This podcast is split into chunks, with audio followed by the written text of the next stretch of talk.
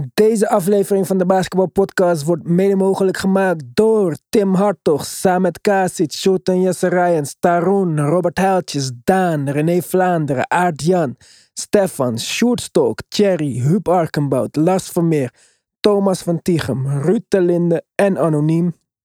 Welkom Joris, Ruud en Caspian, onze nieuwe DBP-members.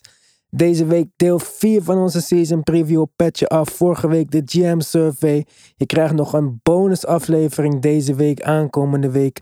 Het blijft maar doorgaan. Als je echt op de hoogte wil blijven van alles NBA, ga dan naar de basketbalpodcast.nl en kies luisteren op Petje Af. Support the movement. Heb jij nog niet gereageerd op onze advertentie voor nieuwe leden voor de Basketball Podcast. Lijkt het jou leuk om een keertje te testen, om een keertje mee te doen met de Basketball Podcast? Stuur dan jouw uh, informatie, jouw sollicitatieachtige filmpje naar info of op Instagram at thebasketballpodcast via DM.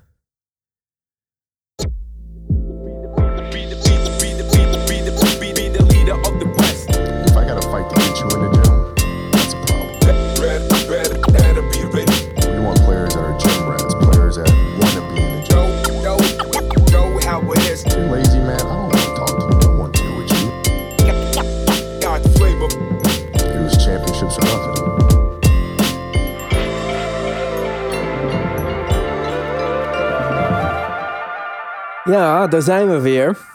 Ik werd net geïnterviewd, dus ik ben helemaal een beetje in de war eh, van mijn eh, normale rolverdeling eh, dingen. Ja, je moet nu weer terug naar je oude modus En natuurlijk. ja, gelukkig hoef ik de intro niet te doen. Die doe ik altijd later, anders weet ik niet wie ik moet bedanken tegen die tijd. Bij mij vandaag de gast. dat weten jullie nog niet, want ik zeg wel, er is net een ander interview geweest, maar dat weten jullie helemaal niet. Frank Visschraper, welkom. Ja, de, de man die jullie in de vorige uitzending Iwan hebben horen interviewen. Maar die zijn misschien later gaan horen, dus... oh, eh, nou ja, nou we- weet ik het ook niet meer. Ja. Eh basketbalcommentator, dartcommentator, voetbalcommentator, Voice-over.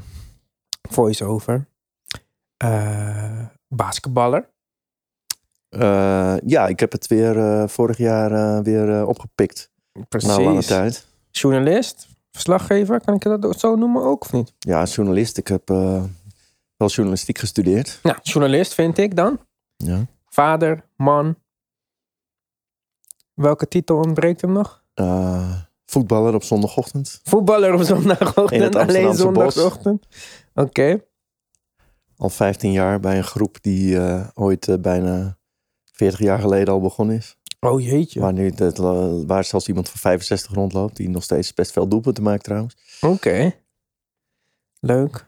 Maar vooral Maar daar gaat het nu even niet om. basketballiefhebber. Ehm, als het op, eh, op sportgebied. Ja.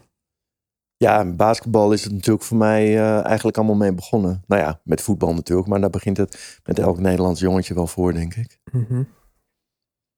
Maar waarom basketbal? Want dat is eigenlijk onze eerste vraag altijd. Ik, ik Oh, heb ja. een, eh, een reeks met mooie foto's van jou eh, gehad. Met jonge Frank, die aan het basketballen was. Ja, Maar zoals je al zei, voetbal is normaal voor een Nederlands eh, Ja. jongetje. zeker. Hoe, kom je bij de basketbal terecht dan? Nou, dat was eigenlijk een hele simpele en aanwijsbare reden voor. Ehm, mijn broertje en ik begonnen inderdaad met voetbal bij FC Slotervaart. En ehm, in Amsterdam. Sportpark Sloten. Maar ja, wij hebben daar, ik denk dat het in ons tweede jaar was of zo. We waren, ik, hoe oud was ik? Zeven, acht. Mijn broertje was anderhalf jaar jonger dan ik, is anderhalf jaar jonger.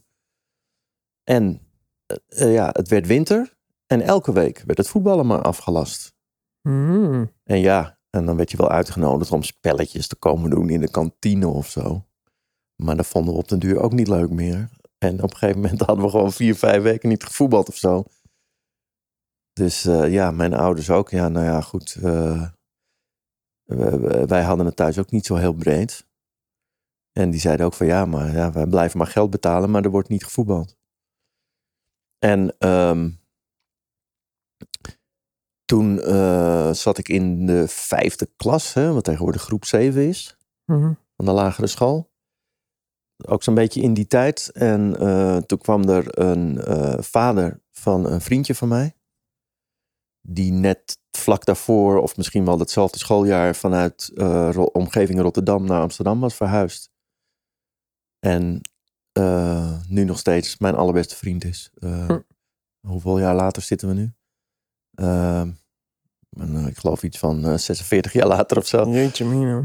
Ehm, die vader mocht de klas in om te vragen of er misschien jongens waren die wilden basketballen. Want er was een basketbalclub in de buurt die nu niet meer bestaat. Dat heette Saturnus 69. Oké. In Amsterdam. En uh, nou. Daar was hij coach of zo? Uh, ja, ik denk dat hij daar zelf basketbalde. Bij de, bij de senioren natuurlijk. Het was een ja, club op, op districtsniveau, zullen we mm -hmm. zeggen. En uh, zij wilde met de jeugd beginnen. En nou, we hadden inderdaad eh, wel uh, uh, een stuk of zes, zeven jongens in de klas die, dat wel, die daar wel oren naar hadden. En dat was net die periode dat bij ons het voetballen steeds werd afgelast. En samen met nog een paar andere jongetjes die dan niet bij ons in de klas zaten of ook niet bij ons op school. ja, werden wij toen een, een basketbalteampje. En het eerste jaar, dus toen was ik negen. En mijn mm. broer was zeven op dat moment. Die begon ook tegelijkertijd. En uh, zat ook bij ons in team trouwens. En die vriend van mij, die nog steeds mijn vriend is, had ook een broer van diezelfde leeftijd. Die zat er hm. ook in. En zijn die broertjes ook vrienden of niet? Um, nee, nu niet meer. Uh, ik weet niet of ze. Nee, ze hebben niet veel contact meer. Nee. Het zou wel grappig zijn geweest. Maar, ja, het zou, het zou heel grappig zijn geweest. Maar uh, ja, dat terwijl hij is nog steeds mijn beste vriend. Terwijl hij um, in het begin zeker niet. Want gingen wij naar de training. Het eerste jaar verloren we trouwens alles. Het tweede jaar werden we kampioen.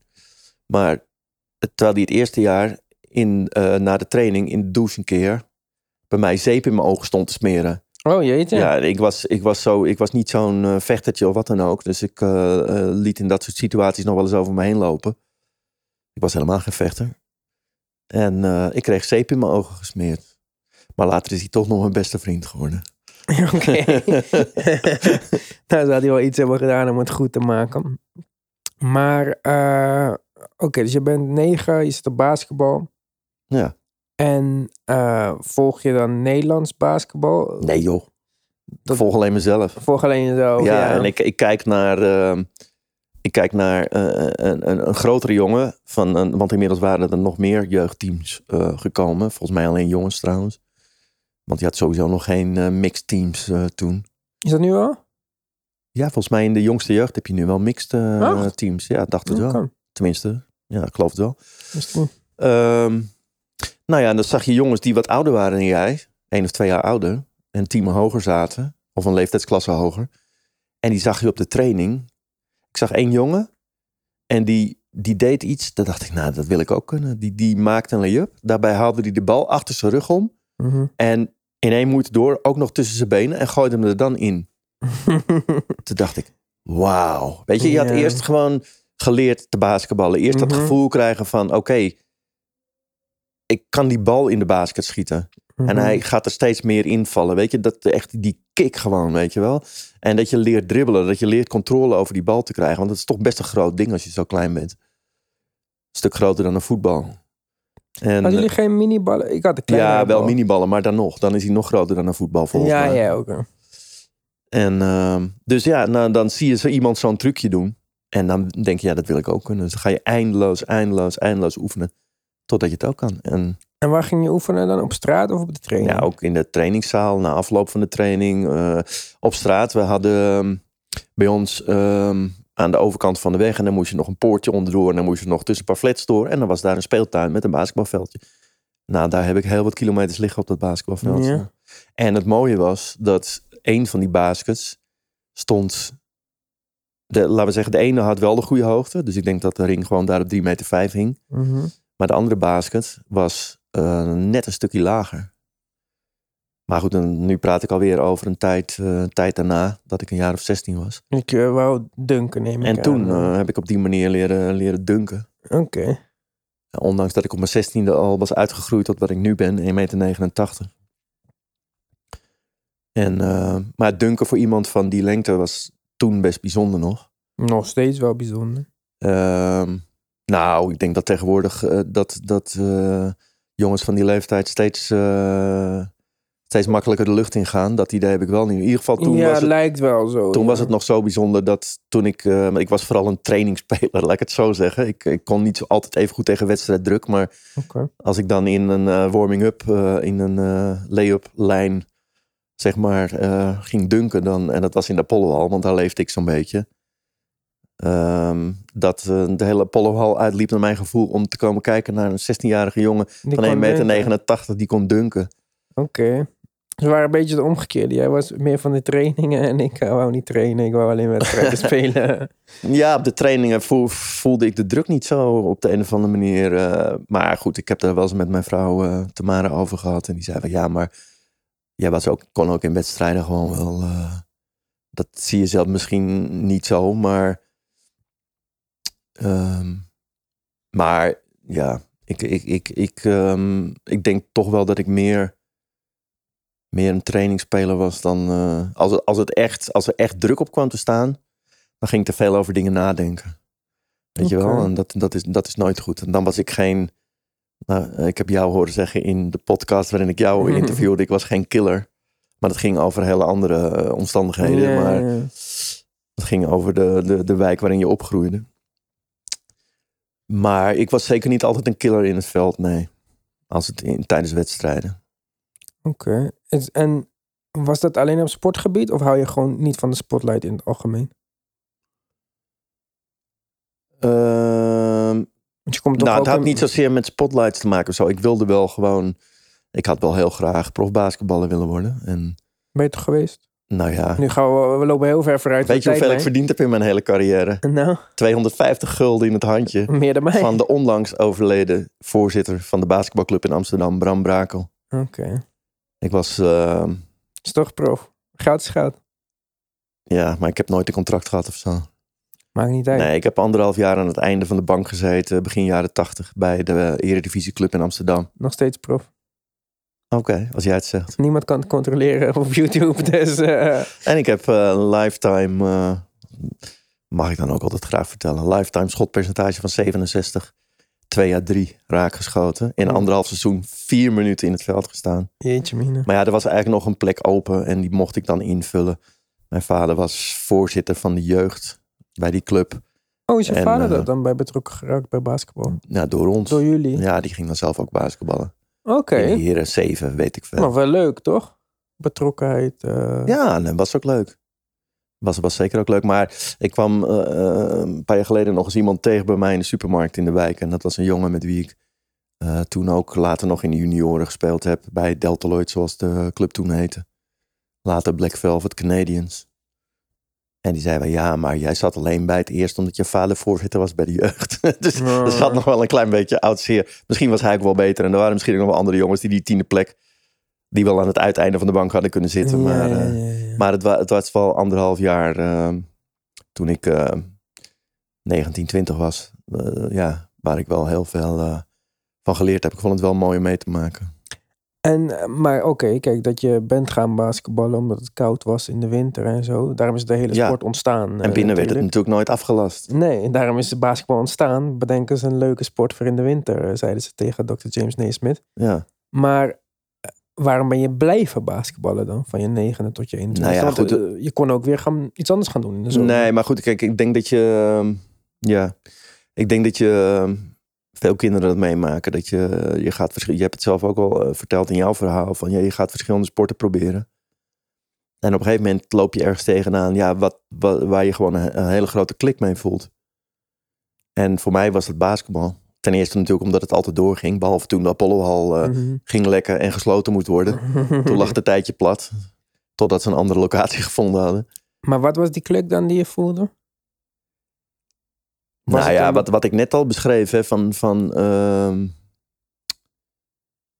Kijk, voetballen vond ik ook wel leuk. Maar ehm, ik heb zelfs nog een keer vijf keer gescoord in één wedstrijd. Dat was de enige wedstrijd waarin ik ooit gescoord heb. Meteen vijf keer. Mijn vader beloofde-. Mijn vader beloofde me altijd een kwartje voor elk doelpunt wat ik maakte. Maar ik scoorde nooit, dus dat kon hij makkelijk beloven. Oh. Totdat ik vijf keer scoorde. En nog een doelpunt afpikte van een ander. Want die bal zou toch wel over de lijn gerold zijn. Maar ik gaf hem nog even een tikje. Want ik denk, ja, toch weer een kwartje natuurlijk. Ja, die, andere jongen een kwartje door, zijn ho- eh, door zijn neus nou, ik weet niet of hij dat ook kreeg van zijn vader. Maar in ieder geval, eh, die 1,25, 1, 1 gulden 25 is netjes aan mij uitbetaald. ja. Eh, ik was nog geen prof. dat weet ik ook niet in het voetbal. En nee, ja, misschien had ik wel in het voetbal verder kunnen gaan. Maar Maar was je ook beter in basketbal dan in voetbal? Ja, het- het- dat, dat zal ik nooit geweten hebben. Ik bedoel, ik heb niet zo heel lang gevoetbald uiteindelijk.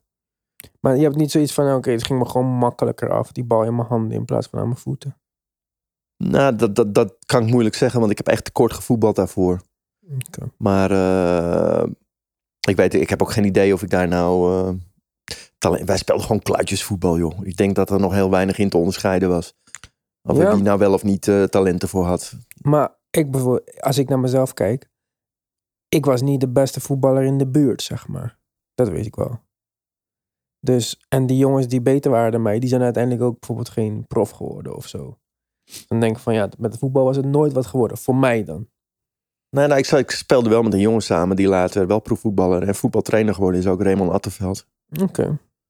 En die ook bij diezelfde club zat. Ik weet nou niet zeker. Ja, ik zat volgens mij wel met hem in één team op een gegeven moment. Oké. Nee, maar ik, weet, ik heb geen idee of dat ooit wat geworden zou zijn. Maar basketbal, eh, ja, dat, dat, dat, net zoals jij dat beschreven hebt, eigenlijk, dat kreeg mij in zijn greep gewoon. En was het dan alleen het zelf spelen? Of raakte je ook geobsedeerd door de NBA bijvoorbeeld? Of, Nou. eh, was dat überhaupt beschikbaar in. Nederland? Want in welke tijd praten we nu? Eind jaren 70? Nou, ehm, ik ben begonnen met basketbal op mijn negende, dus dat was in 1971. Mhm. Ehm, zeg ik dat goed? Nee, mijn negende was ik, is 1972. En, ehm, maar goed, in het beginjaren ehm, had ik geen idee van een NBA of wat dan ook. Maar goed, als je wat ouder wordt en je gaat richting puberteit en zo. En je, ja, je zit al een aantal jaren in de basketbal en je raakt er steeds meer in geïnteresseerd. En toen raakte ik ook wel in de NBA geïnteresseerd. Eh, ik wilde bijvoorbeeld, eh, op een gegeven moment wilde ik eh, zo'n sportbroekje met een split aan de zijkant. Want dat droegen ze allemaal in Amerika toen. Dat was, Mhm. dat was, dat was basketbalkleding. En je kon, waar kon je nou... Nee. Je kon nergens in Nederland, voor mijn gevoel, kon je basketbalkleding krijgen. Maar er was één sportkledingzaak. Ehm, volgens mij is dat bij het Oosterpark. Ja. De Rijnwaardstraat in Amsterdam. En die had Amerikaanse basketbalkleding. Wauw. Dus ik sparen, een broekje met een split. En een basketbalshirt waarschijnlijk erbij. Mhm. Om eh, het in te trainen. Nou ja, en basketbalschoenen natuurlijk. Hè. Weet je nog wat je eerste basketbalschoenen waren? Nou, ik weet niet, ponies volgens mij. Ik weet niet of je Oh. die nog kan krijgen. Ken je die? Ja, ik ken ze zeker, want die waren, eh, denk ik, eh, toen ik op de middelbare, school zat, kwamen die weer, werden die weer in, zeg maar. Dus heb- Ponies, en, eh, Nike, Nike. Dat eh, ging, ben je op een gegeven moment van pony overgestapt op eh, op Nike. Nike, Nike, ik weet nooit, eh, Nike, ja. eh, whatever. Geen Converse. Oh, Converse heb ik ook nog wel gehad. Ik zag Ja. een van die foto's die ik jou stuurde. Dan zag ik mezelf Ja. met Converse schoenen volgens mij. Ja, Converse heb ik ook gehad. Ja.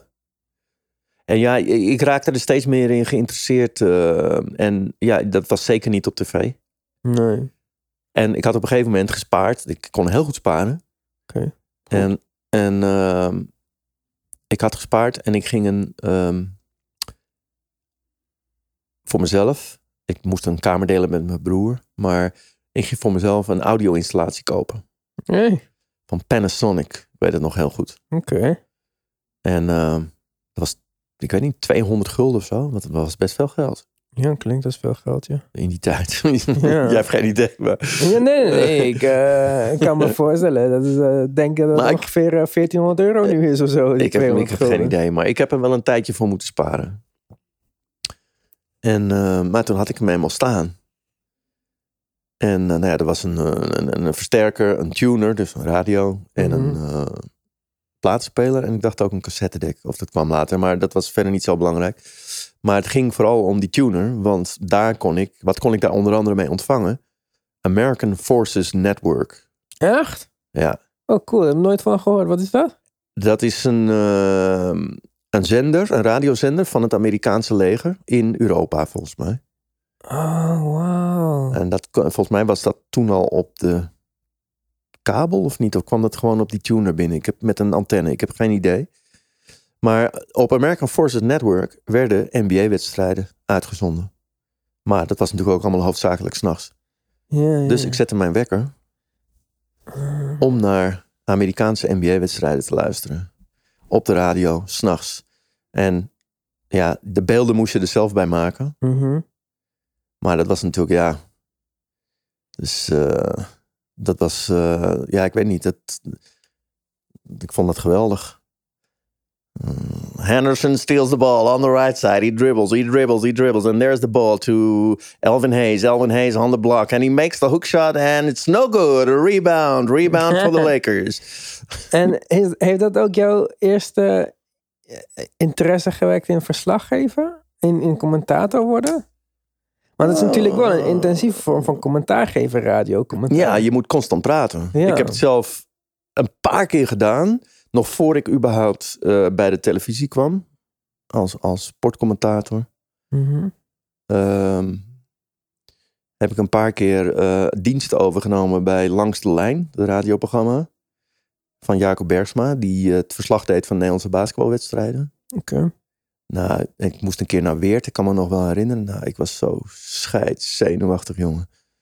Ja, goed. nou Ja, eh, ja, op een gegeven moment hoor je vanuit Hilversum en praat maar.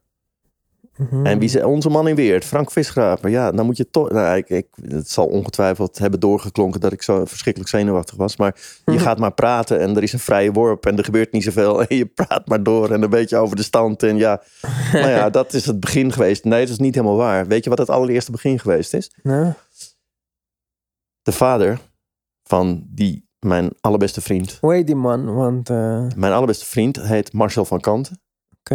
Ook waar ik mee gebasketbald heb. Hij is veel eerder gestopt eh, dan ik.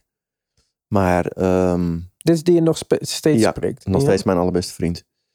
En zijn vader heette Paul van Kanten. Hij heet nog steeds Paul van Kanten. En ehm, nou goed, die was dus mijn basketbalcoach. Iemand anders gaf ons trainingen. Die was ook wel bij het team betrokken, maar hij coachte ons bij de wedstrijden. En op een gegeven moment, hij vroeg eh, na elke wedstrijd aan iemand van, om een verslag te schrijven van die wedstrijd. Op een gegeven moment kwam ik ook aan de beurt. En ehm, oké, nou, ik eh, had er helemaal niet zoveel zin in, geloof ik. En ik wist ook, ik had geen idee wat ik moest schrijven. Hoe oud ben je nu? Nou ja, ik ben op mijn negende begonnen, dus eh, hoe oud zal ik geweest zijn? Weet ik veel, 10, 11. Hmm, Zoiets. En ik, ik schrijf een paar regels op en ik lever dat bij hem in. En eh, ik weet niet meer wat er eerst kwam. Of ik het nou eerst in het, in het krantje, clubkrantje, dat verslag las. Of dat hij naar mij toe kwam. Maar hoe dan ook. In het clubkrantje stond een heel verslag. Eh, eh, een heel groot verslag. Waarvan ik helemaal niet meer terug herkende. Dat, ik had dat helemaal niet geschreven. Dus, ik, ik, eh, dus hij kwam naar mij toe nogmaals, ik weet niet of dat ervoor of daarna was, maar. En hij zei: Nou, dat het verslag wat jij gedaan, dat was niet goed. Dat is eh, veel te weinig en eh, dit en dit en dat en dat was er niet goed aan. En eh, nou, ik heb het even herschreven. het, was, het was iets heel anders geworden. Dus nou ja, ik was daar best wel een beetje gepikeerd over op dat moment. Maar uiteindelijk herken ik dat nog steeds als de aanzet tot mijn journalistieke carrière. Omdat ik toen zoiets had, oké, maar wacht even, nou zal je me hebben ook. Dus vanaf dat moment ben ik gaan schrijven. Hmm. En dan heb ik heel veel geschreven. En eigenlijk alleen maar, denk ik, om... Om hem te bewijzen Nou dat je wel kan schrijven. Daar begon het natuurlijk wel mee. Maar uiteindelijk werd het een soort van, van ja, dat vond ik schrijven fantastisch. En eh, ja, dat is wel wat ik er dus toch aan overgehouden heb. Weet en heb ik heel dat? veel basketbalverslagen geschreven. Maar weet hij dat, die man? Dat dit... Ja, ik denk dat ik het er wel eens met hem over gehad heb, eh, jaren later. Heb je hem ook wel eens iets nieuws laten lezen? Heeft hij wel eens goedkeuring Oh gegeven? ja, zeker. Ik, denk, ik, ik hoor wel van Marcel regelmatig dat hij nog steeds heel trots op mij is. eh, als hij ook luistert naar eh, de, het verslag wat ik doe bij NBA-wedstrijden op televisie. Ja, en eh, dat vindt hij, vindt hij heel mooi. En ik heb het er wel eens met hem over gehad, ja. Maar ja, het was dus vooral schrijven. Ik, ehm, eh, ja, ik, op een gegeven moment ging ik ook ehm, het clubkrantje maken bij Deltaloid. Toen ik, weet ik veel, 17, 18 was of zo. Er was een oudere dame eh Mien Gauswaard. Ja, die leeft natuurlijk al lang niet meer. Die deed dat. Maar ja, die, die had het zo lang gedaan. En, en, eh, dus ik heb- ben daar een avond, eh, nee, een avond, een middag naartoe geweest. En toen heeft ze mij alle geheimen onthuld van het maken van het clubkrantje van Deltaloid. En ja, en dat begon ik toen te doen. En dat, ja, dat ging ook weer in geuren en kleuren. En eh, En vond je het dan ook leuk omdat je het over, omdat het over basketbal ging? Of vond je het schrijven op zich ook leuk? Nou, schreef je ook over andere dingen? allebei. Maar schreef je ook over andere dingen? Of schreef je verhalen? Nee, Of- toen alleen over basketbal, denk ik. Nee, ik schreef geen verhalen. Maar het heeft er wel toe geleid dat ik later naar de school voor journalistiek gegaan ben in Utrecht. Dus dat is toch ook begonnen door basketbal allemaal? Ja, dat is begonnen bij Paul van Kanten. Oké. Dus eh, je ging naar de school voor journalistiek? Mm, ja, eh, uiteindelijk wel, want ik werd eerst twee keer uitgeloot. Oké. Maar toen heb ik eerst, eh, nou ja, een halfjaartje Engels gestudeerd. Oké. En volgens mij nog een jaar bij de bank gewerkt. Vond je allemaal niet leuk? Nee, ik wilde, school, ik wilde journalistiek doen. Dit was gewoon je enige goal. Dus en ik wist dat ik volgens mij bij de derde keer hoefde ik niet meer mee te loten. Zou ik automatisch worden ingelood. Oké. Dus dat werd het uiteindelijk ook. En toen vond je het wel leuk toen je het ging doen? Ik kan me voorstellen dat het tegenvalt als je er zo naar uitkijkt om het te gaan doen, zeg maar. Nee, nee, ik vond het, vond het een hele leuke studie. Er was, het was ook heel divers. Zeker het eerste jaar had je veel verplichte vakken, maar eh, daarna... ehm, Als je een beetje je eigen richting kan kiezen, wordt het leuk. eh, ja, daarna kan je steeds meer keuzevakken doen. Hmm. Nou ja, ik had alleen... eh, ik had ergens aan het begin van mijn derde jaar, wat toen het examenjaar was... was ik een beetje laat met inschrijven voor dingen. En toen kwam ik met een vakkenpakket te zetten eh, waar ik eh, geen bal aan vond. eh, helemaal niet meer zou zitten. En toen ben ik gestopt. Ik ging nog wel elke dag naar Utrecht. Met mijn OV-kaart die erbij hoorde. Ik zei niks tegen mijn ouders, maar die kregen op een gegeven moment toch wel wat in de gaten, zeg maar. Oh jee. Ja, ik, ging, ik, ik heb dagenlang gezworven door het centrum van Utrecht. Omdat je niet Maar- durft te vertellen. Nee, ik durfde het niet te vertellen, maar ik, dat ik niet meer naar school wilde. Vond ik toch wel een, eh, vond ik toch wel heftig. Ja, ik kan me eh, voorstellen. Nou ja, goed, dus ik had een eh, jaar Engels gestudeerd. ehm, een half jaar Engels gestudeerd. En ik had twee plus jaar journalistiek gestudeerd en niks afgemaakt. Maar later toch nog journalist in Engeland geworden. Dus nou ja, Waar, waar ben je journalist geworden? nou, in, in, Engeland. Hoe dan? nou, nee, het, is, het gebeurde tussendoor natuurlijk nog wel het, het een en ander. Maar ehm, Oké, laten we dan eh, chronologisch houden. Wat ging je doen eh, na het rondzwerven in Utrecht? Je ouders Nou ja, ik basketbalde natuurlijk nog steeds. Ehm, Dat was ook de tijd dat ik ehm, die anderhalf jaar aan het uiteinde van de bank gezeten heb bij de Eredivisieclub in Amsterdam. Oké. Ehm, wat trouwens, ehm, nou ja, wat ik al zei, fantastisch was. Als ik nog even deze zijsprong mag maken. Mhm. Ehm, nou, het was de tijd dat Hank Smith daar speelde. Een van de meest legendarische Amerikanen die eh, ooit in Nederland gespeeld heeft. Oké. Eh, man eh, van een, eh, hij was 2 meter 1, maar had een fantastische hoekshot. Hm. En ehm, Jimmy Moore was in mijn tweede jaar. Ehm, was ook een, een, van, een van de legendarische Amerikanen die in Nederland gespeeld heeft. Een fantastische schutter. Nu nog. ehm, eh, hij is volgens mij nu nog betrokken bij de Universiteit van Utah, dacht ik, zeg ik even uit mijn hoofd. Heeft hij daar een functie? Basketbal. En eh, Dave Downey, ook een eh, Amerikaan met een gebruiksaanwijzing, maar een fantastische speler. Die, waar ik ook nog een tijdje training van gehad heb. Die, eh, de ik, kan me nog een van zijn eh, trainings, drills herinneren, die ik zelf fantastisch vond. Dan was je bijvoorbeeld met acht man, acht, negen man op de training. En dan ging je op één basket. Dat was één bal. En iedereen was op zichzelf. En eh, persoonlijke fouten eh, bestonden even niet. En dan was het gewoon maar rammen. Eén tegen één of zo. Ja, nou, je mocht elkaar natuurlijk geen eh, eh, gebroken kaak slaan of tanden uit de mond Ja, of ja, anderszins verwonden. Maar het was gewoon beuken. En wat is de goal van deze... eh, Nou, eh, degene die de meeste punten maakt binnen een bepaald tijdsbestek. Degene die de meeste toughness had. De meeste hardheid. eh, om je gewoon een beetje harder te maken, Ja. zeg maar. Ja. Oké. Ja, aparte manier van eh, trainen. Nou ja, maar, eh, en, en hij was 2 meter drie lang, maar eh, en hij was ook een fantastische scorer, maar hij liep wel altijd vooraan, ook in de suicide. hmm. Geweldige atleet. Nou ja, ja weet je, ik, ik, ehm, ik moest het vooral hebben van de trainingen. Daar leerde ik het meeste. Ik, ehm, maar ja, ik, ja dat was, het was allemaal niet heel strak georganiseerd. En ehm, ehm, in die tijd. En eh, ik kon een beetje, eh, ja, je kon tussen de marges door wel een beetje dingen uitproberen.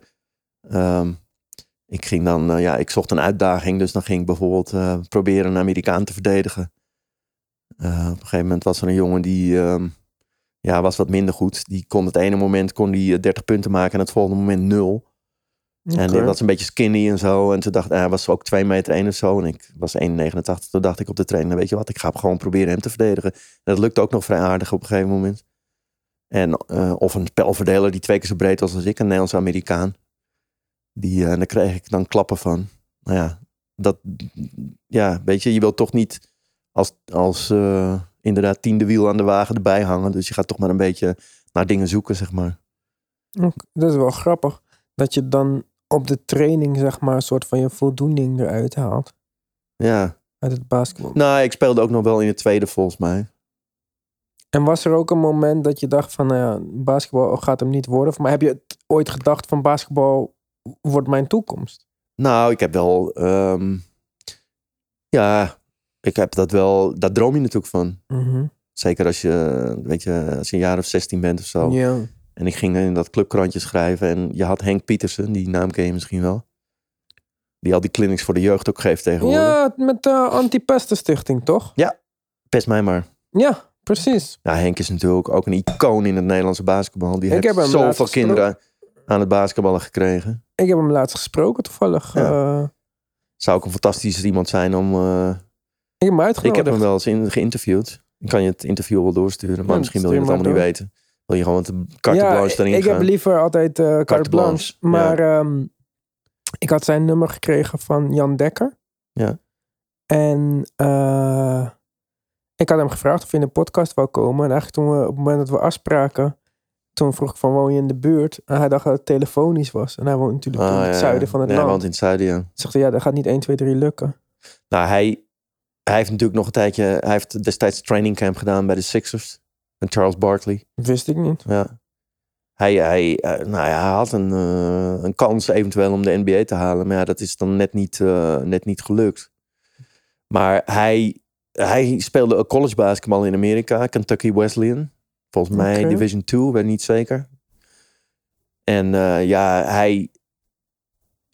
Ja, ik, ik, ik had een hele goede band met hem. Hij was wel ouder dan ik en hij speelde ook altijd een, een team hoger. Mhm. Of tenminste een leeftijdsklasse hoger. Maar ehm, hij vertelde mij over Amerika en over wat er allemaal gebeurde. En ja, dat vond ik fantastisch natuurlijk. Ja, En hij is ook degene die mij... Want ik ehm, merkte dat ik goed kon springen. Ik, kon, ik had echt behoorlijk sprongkracht. Ja. Merkte ik al heel gauw. En ehm, dus ik vroeg aan hem, ja, heb je geen trainingsmethode of zo... waardoor ik nog hoger kan springen? Mhm. En toen heeft hij voor mij uit Amerika eh, gewichtjes meegenomen. Ah. Bandjes die ik om mijn enkel kon doen. Ah. En daarna, mijn moeder kan er ook nog verhalen over vertellen. En dan ging ik mee trainen thuis, ook op de trap. Overal nam ik die dingen mee naartoe. ja, In de speeltuin, als ik ging basketballen, had ik die dingen om. Nou, en op een gegeven moment, jongen, ik, begon ik te vliegen gewoon. Ja? En op die iets wat lagere baskettaar, die misschien dan op drie meter hing of 2 meter 99, daar wil ik vanaf wezen. Nou, dat, dat in alle standen gewoon. In, ja, als bij een basket op 3 meter 5, dan eh, was het iets lastiger. Maar eh, Ja. Maar eh, ging je ook echt van die extreme dingen doen? Als van de tafel springen met zo'n gewichtsbal in je handen en zo? Nee, dat niet. Dat ging echt, ik deed het echt met die, met die bandjes Met die- om mijn enkels. Met, met gewicht eraan. Verzwaarde enkelbanden. En ja, ik, eh, hij nam ook een heel... eh, kan ik me ook nog wel herinneren. Hij nam een heel... eh, een boekje of zo. Of een folder. Of een, een weet ik veel. stuk papier met allemaal oefeningen. Ja, ik heb ook wel zo'n trainingsprogramma gehad. Moest je tegen de muur springen en elke Ja, keer om je dan, kuiten eh, te oefenen. En ja, en, ja, dus dat, dat echt, jongen. Ik heb, als een gek heb ik dat gedaan allemaal. Denk je dat de jeugd van nu dat nog steeds doet? ik heb- nu basketballen, denk je dat ze nog steeds zo obsessief bezig zijn met hoger kunnen springen en zo? Nou, Dit was zo- mijn nummer één goal ongeveer. Springen en Ja. langer worden, zeg maar. Eh, dat, eh, maar daar kon ik niet zoveel invloed op uitoefenen natuurlijk. Nee. Nee, nee. Ik, Maar ik heb het idee dat het nu niet meer echt gebeurt. ik, ik, dat weet ik niet. Dat weet ik niet. Ik zie wel, ik zie wel dat, dat jonge spelers van tegenwoordig veel meer atletisch zijn dan. eh, dat, is, dat, is, ja, dat is zich wel door blijven ontwikkelen. Nou, ik, ik weet niet of ze daar. eh, Ik neem aan dat er ook wel eh, bij zijn die, eh, die daar ook heel fanatiek mee bezig zijn. Hmm. Maar goed, dus op een gegeven moment had je het besef van nou, Amerika Nee. gaat hem niet worden voor mij. eh. Nee, en, en op een gegeven moment werd ik ook na die anderhalf jaar eh eredivisie, eh, kwam er iemand anders voor mij in de plaats die ouder was, die eh, veel meer ervaring had. En eh, die mijn plek gewoon innam en terecht. En eh, nou ja, goed, die 2 uit 3 die ik ooit geschoten heb, eh, lifetime in de eredivisie, jongen. Ik was zo zenuwachtig dat ik niet eens wist hoe ik die ballen erin gooide. Ja. In Den Helder. Ik heb het scoresheet nog thuis. Ergens in 1983 was het, geloof ik. Een ruime overwinning en dan kom je in de laatste vijf minuten, mag je een beetje meedoen. Mhm. Dus eh, En toen dan? Ging je, je- ik ging regionaal spelen. En daar heb ik het meeste geleerd. Ja. Ik ging bij AMVJ en dan ging ik in het rayon spelen, dus regionaal. Mhm. Dus eh, rayon Noord-Holland. Ehm, en daar had ik een trainer, Rob de Vries. Die was ook bondscoach bij jeugdteams geweest en zo. En die eh, werd onze trainer. Een aantal jaren. En ehm, was, ehm, werd later wel wat milder. Maar was echt, eh, kon behoorlijk eh, hard zijn in zijn benadering, zeg maar. Zodat je echt wel eh, een beetje tomboot achter. Achter, ja, ja, Ja. daar heb ik eigenlijk het meeste van geleerd. Daar heb ik echt, echt het basketbal geleerd. De ins en outs, zeg maar. Oké. Grappig. Nee, Ja. grappig. Dat, eh, Ja, en, en, en ja, op een gegeven moment ehm, ben ik daar... ehm, ja, be- ben ik daar ook mee gestopt. En toen ben ik weer op wat lager niveau in het district gaan spelen. Nog een aantal jaren bij eh, wat toen Lely heette. Wat nu eigenlijk BC Apollo is. Oké. Ehm, tot, eh, tot ik halverwege de jaren negentig de kans kreeg om ehm, in televisie te gaan werken. Dus televisie betekent het einde van jouw basketbalcarrière. Nou ja, ehm, ja, Maar Wat deed je dan tijdens dat je rayon speelde? Je kon niet leven daarvan. eh. nee, oh, pff, wat heb ik gedaan in die tijd? Ehm, gewerkt. Journalistiek gerelateerd werk. Oh, eh, of niet? Nee, eh, wacht eens even. Ik heb natuurlijk, wat ik helemaal vergeten is dat ik ehm, in 1988, of eh, nee, in 19, 1986 heb ik dienst geweigerd. Ik wilde niet in dienst. Waarom? Nou, omdat mijn vader is Joods en ehm, is eigenlijk de enige overlevende van zijn, van zijn hele familie Hmm. Na de Tweede Wereldoorlog. Zijn moeder heeft wel overleefd, maar is ook eh, in 1953 overleden aan de gevolgen van de, van de oorlog, zeg maar, omdat ze ziek was. Oké. En ehm, dus ja, ik had, ehm, ik had een hekel aan oorlog. En eh, ik wilde daar absoluut niet aan meewerken. Maar dat geaccepteerd, die reden? Ja, eh gewetensbezwaarden. Oké. Eh, nu is er geen dienstplicht meer. Nee. Maar toen wel. Maar je kon dienst weigeren op grond van gewetensbezwaren. En ehm, waarom vertel ik dit? Omdat ehm, je moest dan vervangende dienstplicht doen. En de eigenlijke dienstplicht was 13 maanden. Vervangende dienstplicht was 18 maanden. als een soort straf, denk ik. Of zo. ja. En je, eh, de, een van de eisen was dat je eh, werk moest doen bij een non-profit organisatie. Ehm, Oké. Het mocht geen commercieel bedrijf zijn. Het moest een soort maatschappelijk doel dienen. En ik, ben, ik heb contact gelegd met de Nederlandse Basketbalbond. En ik heb gezegd van, kan ik niet bij jullie als dienstweigeraar werken? Contact gelegd met de toenmalige directeur, uh, Weile uh, Wim Matenboer. En uh, die zei, nou, dat komt goed uit, want wij hebben de organisatie toegekend gekregen in de zomer van 1988 van het pre-Olympisch toernooi. En uh, wij zoeken iemand die ons daarbij kan ondersteunen als een soort secretaris. En mijn vervangende dienstplicht was anderhalf jaar. En dit toernooi was in de zomer van 88. En ik kon beginnen op 1 januari 1987. Als dus er kwam alles perfect uit Als eigenlijk. secretaris van het pre- pre-Olympische toernooi. Oh, leuk. En eh, dat was in de voorronde waren in vier Nederlandse steden. De finale ronde was in Ahoy in Rotterdam. Het was een gigantische klus om daar eh, publiek bij te krijgen.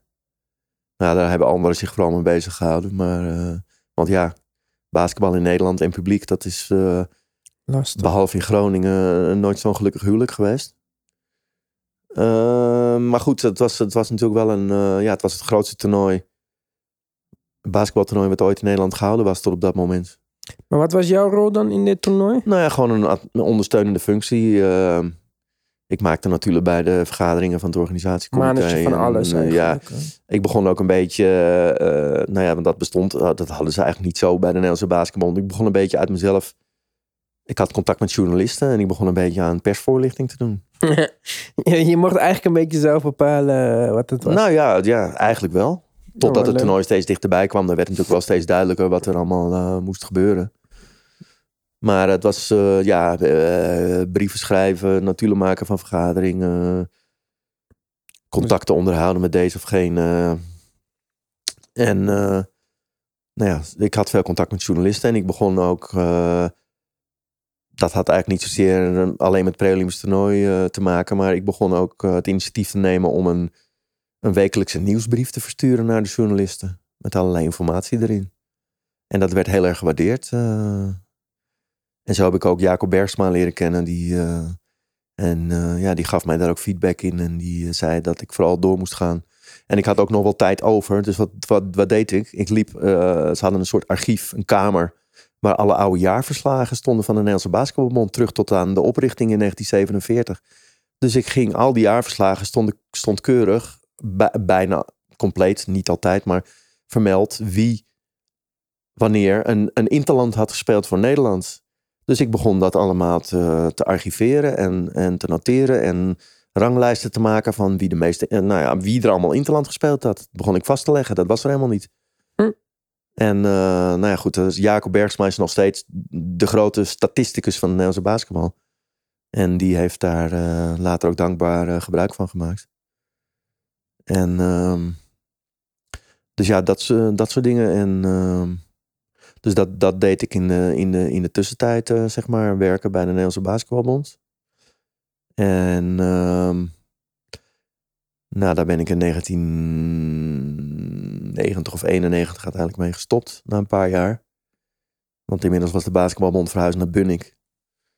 In het midden van het land. En eh, ja, dat heen en weer reis. Nou ja, goed, dat was natuurlijk niet zo heel ver vanuit Amsterdam. Maar nee, op een gegeven moment was ik er een beetje eh, klaar mee. mee. Na een jaar of drie of zo. Kan toch? Ja, dat kan gewoon. Zeker. Zeker op die leeftijd. Mhm. Maar wel leuk eigenlijk dat jouw dienstweigeren jou, jouw basketbalverslaggeven carrière heeft gelanceerd. Nou ja, ik heb eh. sindsdien eigenlijk... jouw basketbal. eh. Ik zei, in- eh, ik zei in het begin altijd van ja, ik ben een van de weinigen die in Nederland met basketbal zijn brood kan verdienen. Al was het dan niet op het veld. Maar, en ehm, Krijg je wel vergoeding daarvoor? Ja, ja je, k- ik werd betaald via het ministerie van Sociale Zaken volgens mij. Oké. En die. eh, en, en volgens mij werd het dan uiteindelijk door de basketbalbond wel weer aan mij betaald. Maar dat waren vastgestelde bedragen. En toen mijn dienstplicht afgelopen was in de zomer van 88 na het pre-Olympisch toernooi, ben ik nog inderdaad anderhalf jaar of zo blijven plakken. En toen als, als persvoorlichter eigenlijk. eh, Grappig. Wist ik helemaal niet. Het is best wel grappig. Ik besef nu, ik ken jou langer dan tien jaar. En we hebben het over geen een van deze dingen ooit gehad. nee, maar goed, ik heb van jou ook allerlei dingen gehoord die ik niet wist. Dus, Ja, eh, oké. Maar het is wel grappig, toch? Maar, en oké, dus toen klaar met die Nederlandse basketbalbond. Ja. En toen? Ja, dus dat was ergens in 1991. En ja, wat ik in die jaren daarna gedaan heb, zal ik ook wel gewerkt hebben. Ik weet even. Oh, wacht eens even. Nou, Ja, natuurlijk. Hoe kan ik dat nou weer vergeten? Nee, er zit allemaal een hele logische aaneenschakeling in. Jacob Bergsma, daar is hij weer. ja. Ik heb toch veel aan hem te danken. Jacob belt mij en die zegt van... Wil jij overnemen van mij... ehm, eh, het schrijven over basketbal voor de Telegraaf? Oké. Dan ga je naar eredivisie basketbalwedstrijden met mannen toe. Je schrijft een paar keer per week eh, verslagje. Dat bel je door. Want dat was inderdaad ook nog geen internet. Nee, geen e-mail. Dus dan moest je allemaal doorbellen en hopen dat ze het allemaal goed verstonden. Aan de andere kant dat alles, alle namen goed uitgetypt werden. Ja. Voor de zekerheid vaak nog even spellen. Eh, hopen dat er een beetje aanvaardbare kop boven jouw verhaal kwam te staan. Want dat had je zelf geen invloed op. Daar was een koppenmaker voor. Jeetje, mina. En ehm, ja, dat was nog wel doorwerken. Tegen de deadline aanwerken. Daar was ik niet zo goed in. Maar eh, eigenlijk moest je tijdens de wedstrijd al meeschrijven en je verslag maken natuurlijk. Maar vaak zat ik tegen het einde, wist ik nooit zo goed wat ik dan... Nou goed, dan ben ik nog wel eens in tijdnood gekomen. Maar dus ja, ik heb inderdaad eh, volgens mij zelfs tot twee keer toe eh, van hem dat overgenomen. Dat deed ik dan eigenlijk freelance, zeg maar. Had ik Mhm. toen geen idee van dat het eh, zo heette. Maar ik was niet in dienst in ieder geval. Ik heb dat een aantal jaren gedaan. Gecombineerd met ehm basketbaltrainer-coach bij de International School of Amsterdam. Oké. Daar werd ik voor via via ook weer voor gevraagd. Eh, Ik ben trouwens in die tijd dat ik bij de Basketbalbond werkte... ook nog een aantal jaren perschef geweest van de Haarlem Basketbalweek. Legendarisch toernooi natuurlijk. Mhm. Jammer dat het er niet meer is. Ja. En daar ook, eh, ja, weer ehm, met Frank Vos kuilen. Je had Frank Vos, dat was eh, de grote organisator natuurlijk van de Haarlem Basketbalweek. Fantastische kerel. En Frank Vis. Nou ja, niet dat ik de tweede man was of zo, maar dat was wel grappig natuurlijk. Dat er twee mensen, die Vos, zo, die zo, de Vos en de Vis was het altijd. Ja. En eh, nou ja, goed. eh, dus daar gooide ik al mijn passie in. En dan zorgde ik ervoor dat eh, de inter... Nou ja, goed, er kwamen ook wel wat buitenlandse journalisten. Want laten we wel wezen, er kwamen fantastische ploegen naar dat toernooi. Zelfs Vince Carter heeft daar gespeeld. Vince Carter heeft daar gespeeld. eh, Dean Smith was de coach natuurlijk. University Mhm. of North Carolina. Die mochten dan maar één keer komen. Maar ze kwamen wel één keer. Wauw, fantastisch. Serge Zwicker speelde toen ook nog in het team. Die kreeg natuurlijk ook speeltijd, want het was in Nederland. Mhm. Wat is met hem ooit gebeurd eigenlijk? Weet ik niet. Weet Het is een bekende naam, nu je het zegt. Maar ik heb Ja. die naam al heel lang niet Blonde, gehoord. eh, blonde center. Ja. Ja, ik weet niet. Ik, dat zou ik moeten nakijken. Ik weet niet wat er na, nadien... Ik denk dat hij nog in Europa gespeeld heeft, maar dat weet ik niet zeker. Maar in ieder geval... ehm, nou ja, goed. De nationale ploeg van Litouwen. De nationale ploeg van Joegoslavië. Drazen Petrovic. Vlade Divac. eh, noem ze maar op, jongens. Ze waren allemaal in Haarlem.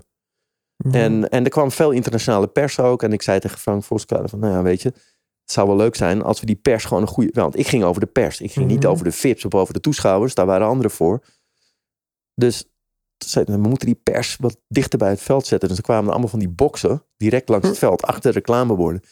En daar zat de pers. Nou, ja, dat soort dingen, dat vond ik wel leuk. Dat is inderdaad leuk. Serge Zwicker, eventjes voor de mensen Ja. die, eh, die het niet weten. Tweede ronde draftpick. 29ste overal gedraft in de NBA. Ja? University of North Carolina. Hij heeft niet gespeeld toch, NBA, of wel? Nou, het lijkt er bijna wel op. Ja? Nee, ik denk het niet. Hij heeft bij eh, Ceramica gespeeld, Gorizia, Ja, Spanje. Breogan, Hans Verkerk Keukens. Oh, Den Helder was dat volgens mij. Ja, volgens mij Ja. was dat in Helden, ja. Nou ja, goed. En, en ja, wie zag je daar nog meer? Sharunas Marciulonis, een latere NBA-ster. Ehm ehm, Sabonis, ja. de vader van. Latere ja, niet alleen de vader van de, een van de beste centers eh, aller Ja, tijden. fantastisch jongen. De, de, de, eerste, de, de eerste, nou ja, een van de eerste jongens van die lengte die ook kon bewegen, weet je wel. Voor die Mhm. tijd had je in het nationale team van Rusland, want Litouwen hoorde natuurlijk toch bij Rusland. Had je Tachenko. Dat was een, die was diezelfde, of die was 220, die was een paar centimeter kleiner, maar die, dat was een lantaarnpaal. Dat was een reus. En, en, en die, die, die, die, die, die stond daar, die ging in de post staan en die stak die enorme klauwen uit en die kreeg die bal aangespeeld en die probeerde een move te maken en dat was het. Maar dat werd later met, met, met Sabonis, Arvidas Sabonis, ik zocht even naar zijn voornaam, werd dat, ehm, ja, en, en, en die was natuurlijk ook. Je kreeg mensen die konden bewegen, jongen. Ja, Sabonis is eigenlijk een beetje de, de, de, de eerdere versie van Jokic. Als je het zo zou moeten vergelijken met iemand van nu, toch? Goede touch in de post, Ja. passer voor een center. Ja, ik denk het wel. En eh, een grote carrière in Europa voordat hij naar de NBA ging. Eigenlijk eh, Ja. in de NBA niet geworden wat, wat hij was. Hij was ook volgens mij 29 of 30. Ja, hij was, wat, hij, was, ja, hij was een hele oude rookie, ja. Ja, ja. legendarische speler in ieder geval. Maar in ieder geval, weet je, al die namen, die hebben allemaal in Haarlem gespeeld. Ja, dat was, dat, dat was echt heel bijzonder. WBL All-Stars. Dat waren jongens van maximaal 6'6. Dat was een league in Amerika. Die bestaat nu natuurlijk niet meer. Mhm. Je mocht niet langer zijn dan 6'6. 1,98 meter. Oké. Die hebben twee keer het toernooi gewonnen, hè, de Haarlem Basketbalweek. Ja? Jongen, die hadden dus... Ja, die moesten ook die posities allemaal bezetten. Dus die speelden met... eh, nou ja, goed, dan hadden ze... Ik weet zijn naam niet meer, maar dan hadden ze een hele stevige jongen. Van 1,98 meter. PJ Tucker-achtige... ja, eh, dat soort- zo'n type. En die ging center spelen. Ja, ja, ja. Maar die waren goed, jongen, die gasten. ja. Nou, er zijn zulke mooie ploegen daar voorbij gekomen. Nou ja, dat heb ik een paar jaar mogen meemaken als perschef. Maar ik was ook een trouw... eh, ik heb ook jarenlang op de tribunes gezeten. En ehm, ja, dat was heel bijzonder. Nou ja, goed, dus dat ben ik ook nog geweest. En ehm, even kijken, waar was ik nou gebleven? Haarlem Basketbalweek. Eh, toen kwam de Nederlandse basketbal natuurlijk ook in die tijd. Eh, toen eh, gaan schrijven over basketbal voor de Telegraaf. In combinatie met trainer-coach bij de International School of Amsterdam. Hm. Wat ook heel erg leuk was om te doen. Nou ja, dan, die deden, namen niet echt deel aan een competitie in Nederland of zo. Maar, en dat waren natuurlijk kinderen eh, die heel veel schoolgeld moesten betalen. Kinderen van diplomaten vaak en zo. Van allerlei nationaliteiten. Amerikanen zaten erbij, maar ook Japanse eh, jongens. pff, Zweden. Ik weet niet, waar kwamen ze allemaal vandaan? Overal vandaan. En ook een paar Nederlanders. En nou ja, dan had je, wat je, dat ging echt volgens het Amerikaanse systeem. Je had een junior varsity en een varsity ploeg. En zij speelden dan toernooien tegen eh, andere internationale scholen uit Antwerpen, Luxemburg, Duitsland misschien, weet ik niet meer. Düsseldorf, ja, Düsseldorf. Oké. En eh, aan het eind van het jaar was er een soort eindtoernooi. Dat was altijd in Antwerpen. Ja, dat was, dat was, ook, heel, eh, was ook een hele leuke tijd. En toen? En toen waren we inmiddels aanbeland halverwege de jaren negentig. En ehm, ik basketbalde nog wel. Maar toen kreeg ik nog steeds thuis dat persbericht. Dat ik zelf ooit begonnen was van de Nederlandse Basketbalbond. Was ik nog steeds op geabonneerd. Ik werkte daar niet meer. Maar ik kreeg dat nog steeds elke week thuis. Via de post. Want e-mail was er nog niet. Mhm. Ik denk dat het er wel net aan zat te komen. Maar Mhm. toen nog niet. Halverwege de jaren negentig. Ja, Windows 95 was een beetje het Ja. begin dat mensen... En eh, nou, ik krijg op een gegeven moment weer dat, dat, dat eh, media nieuws, zoals het heet, in handen van de Nederlandse Basketbalbond. En daar stond een advertentie in dat er werd een correspondent gezocht voor een nieuw basketbalprogramma op televisie. FIBA Slam. Van welke zender? Nou, dat werd in Nederland op Eurosport uitgezonden. Ja. En er was een eh, Australische producer. Oké.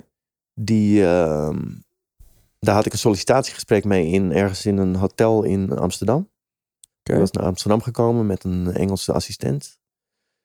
En ehm, zijn broer is trouwens Australisch Basketball International geweest. Close. Voornaam van zijn broer weet ik niet meer, maar hij zelf heette Ross Close. Ook een, eh, een, een, iemand met een verleden in basketbal dus. En ehm, was ook in die televisiewereld terechtgekomen. En ehm, nou ja, er, was, er zou dus door, ehm, er zou een nieuw eh, programma komen, FIBA Slam duurde een half uur. Eh, de FIBA wilde graag een soort magazine met flitsen van basketbal en items en interviews van over de hele wereld. Oké. Wel gefocust op Europa, maar ook, eh, ook met beelden van uit China en vanuit Zuid-Amerika. En eh, het was een soort uitruil van als jij eh, beelden aanlevert, dan mogen jullie het uitzenden. Weet je wel? Maar voor FIBA was het gewoon promotie. Nou, en- Ross Close was de producer. En ehm, nou, ik deed een soort screentest daar. Ik verwachtte er helemaal niks van. In dat hotel in Amsterdam. En ik krijg een eh, korte tijd later krijg ik bericht van... nou, als je wil, dan eh, is, is eh, de job voor jou. Ook als freelancer. Maar. En nou ja, ik was helemaal overdonderd eigenlijk. Ehm, ik had nooit een idee dat ik het zou worden. Maar eh, ja, correspond- Benelux-correspondent, ja, wat hield dat in? Ehm, ik moest zeg maar het basketbalnieuws uit de Benelux aandragen. En ik moest de Nederlandstalige voice-over inspreken als het programma zeg maar, het, eh, gemaakt, klaar was. Het werd één keer per week werd het gemaakt gedurende het seizoen. En ehm, Daar moest ik de Nederlandse voice-over inspreken. Ja, het was... i- Toen ik werd aangenomen, toen ik dat bericht kreeg, toen zei ik tegen Tamara, mijn vrouw. Wanneer heb je haar ontmoet? Want ze hebben jou zien spelen nog. Ik heb haar ontmoet omdat ik haar, eh, omdat ik eh, door een vriendin van haar niet zonder reden gevraagd werd als coach voor een schoolbasketbalteam in de Apollohal. Waar ik mijn hele leven Oh. zowat doorbracht. Dus zo is het allemaal begonnen. Hoe oud was je dan? 1986. Ik weet hoe oud ik toen was. Nul. Maar hoe oud was jij Oh, nee, ik was niet 1986 oud. Ik was toen eh 23. Oh, wauw. Zo lang ben je met haar. Ja. Oké. Een bijzondere zijn, vrouw zijn. eh, eh. Ja, zeker. Zeker. 86 tot nu. Dus hoeveel jaren zijn dat, Ivan? Ik ben zelf slecht in rekenen. 35, vriend. Hoe oud ik ben. Oh, jij bent van 86. Ja, daarom. Nou, kijk aan. Zo lang. Hoezo generatieverschil? Ja, echt. hè. Jij bent gewoon een nieuwe generatie Dus ik zeg tegen haar... ehm, nou, ik ben aangenomen nu, maar ik durf dit niet. Ik vind het veel te spannend allemaal. Toen zei ze... eh, Ik ben blij dat ik dat tegen haar gezegd heb. Zoals ik altijd alles tegen haar zeg en altijd Mhm. alles met haar afstem. Want zij geeft altijd geweldige adviezen. En, en, en ik haar ook. Dus we bespreken alles samen. Maar zij zegt, nee, ben je gek? Jij gaat dit doen. Dit is gewoon een kans. Ga het maar gewoon proberen. Nou ja, dat was ook weer een hele bijzondere tijd. Want ehm, wat dat inhield, Benelux-correspondent zijn voor het programma FIBA Slam. Wat één keer per week werd uitgezonden op Eurosport. Het werd geproduceerd in Londen. Dus ik mocht op kosten van ehm, dat bedrijf, ISL Television Productions, wat later nog in een gigantisch schandaal verwikkeld is geraakt vanwege allerlei financiële malversaties in de voetbalwereld. Oké. Ja. Maar daar had ik toen geen weet van natuurlijk. En, ehm, maar dat zat in Londen. En ehm, nou ja, ik was de Benelux-correspondent. En ik mocht elke week, ik weet het nog goed, op zondagochtend vroeg naar Londen vliegen. Nou, dat is vrij dichtbij natuurlijk. Dus ik, het was heel vroeg opstaan. En dan met de trein naar Schiphol. En dan het vliegtuig van half acht. Betekende op dezelfde tijd arriveren Mhm. op London Heathrow. Half acht. Omdat het daar een uur vroeger was. Tijd eh, Dan eh, drie kwartier in de metro. Want Heathrow lag natuurlijk vrij ver buiten het centrum. En dan eh, stapte ik om kwart over acht 's ochtends in Oxford Street uit de metro. En dan ging ik naar kantoor. Voor tot en met woensdag ongeveer. En eh, dan ging, eh, ja goed, en dan moest ik eh, mijn bijdrage leveren aan dat programma. En samen maakten we dat programma. En helemaal aan het einde, als het helemaal klaar was, werden er verschillende voice-overs ingesproken. Een aantal voice-overs, want het programma ging de hele wereld over. Maar daar werden de Nederlandstalige voice-over voor Eurosport. De Engelstalige natuurlijk. De Frans, Franstalige, Spaanstalige, de Duitsstalige werden daar ingesproken. Onpraktisch. Huh? Ze hadden hoop geld kunnen besparen als ze gewoon een studio, studiootje hadden gemaakt in Amsterdam. Voor jou. Voor mij was het, ja, maar het was tegelijkertijd natuurlijk fantastisch. Ik weet nog de eerste keer dat ik in het vliegtuig stapte, was ik echt letterlijk in de wolken gewoon. En ik zat naast een Amerikaans echtpaar en ik ging vertellen wat ik daar ging doen. Nou, ik was echt helemaal, helemaal, ik zat helemaal op een roze wolk gewoon. Ik ging voor de televisie werken, man. Wauw. Oké. Ja. Nou, dat, dus dat was fantastisch. hè. En er kwam ook, oh, er kwam trouwens ook, oh, voor het Engelstalige eh voice-over kwam een, een, een Amerikaanse jongen, een soort bodybuilder, die ook in, in commercials had gewerkt daar en had geacteerd, die de ballenverstand van basketbal had, maar die Gewoon Amerikaanse op een hele grappige manier die voice-over insprak. En die, eh, nou ja, eh, ik zal het nooit vergeten. En nou ja, dus we werkten daar met zoveel nationaliteiten. Australische producer, ook een aantal Australische jongens die meewerkten in, in de techniek. Nou, het was echt allerlei nationaliteiten. Maakten wij FIBA Slam elke week, een half uur programma. Nou ja, de techniek in die tijd was, ehm, weet je, ik bedoel, de beelden werden nog niet opgeslagen op computers. Ja, dat kwam toen wel. Ze hadden dat als een van de eerste. Maar er werd nog steeds met banden gewerkt, digitale banden. Mhm. En eh, nou ja, er Het ontstond, gebeurde zelfs nog bij, in Amsterdam Ja, bij Sport 1. eh. maar er ontstond vaak chaos. Want wij waren ook redacteuren. Dus wij eh, moesten doorgeven welke beelden gebruikt moesten worden. Nou ja, dan moesten we dat aangeven. en welke tijdcodes. Maar vaak werden nummers van banden verkeerd doorgegeven. En dan, nou ja, goed, ontstond er chaos. Want er kwamen de hele verkeerde beelden in het programma. En dan die editor raakte helemaal in paniek. En zo heb ik wel eens gehad dat we echt twee nachten achter elkaar moesten doorhalen. Dat is één keer gebeurd. Nou, ik ben er nooit van mijn leven zo kapot geweest. Omdat er technisch van alles misging. Tegenwoordig is het allemaal, nou je weet zelf. Ik bedoel, dat is in de laatste 25 jaar zo'n enorme ontwikkeling in geweest. Met computers en alles. En, Maar nog best wel laat hoor. Niet de laatste 25 nou jaar. oké, maar in ieder geval, dat heeft zich doorontwikkeld. Mhm.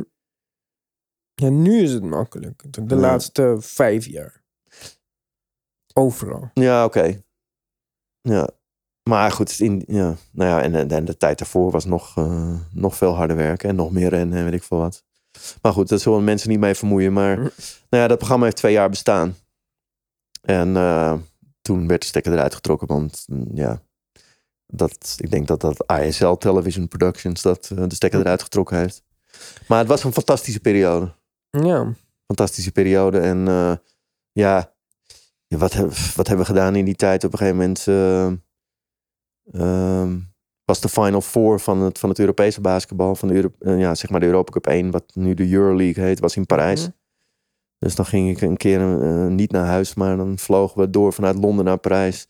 Heb ik daar mijn allereerste live basketbalwedstrijd van commentaar voorzien. Want ze zeiden, ja, die voice-overs doe je zo leuk. Ga maar eens commentaar. Maar ga maar eens live commentaar proberen. Ze zoeken bij Eurosport een Nederlandse basketbalcommentator. Nou, de eerste keer ook weer zo strontzenuwachtig, jongen. Mhm. En je gaat zitten in zo'n, in zo'n bezemkast.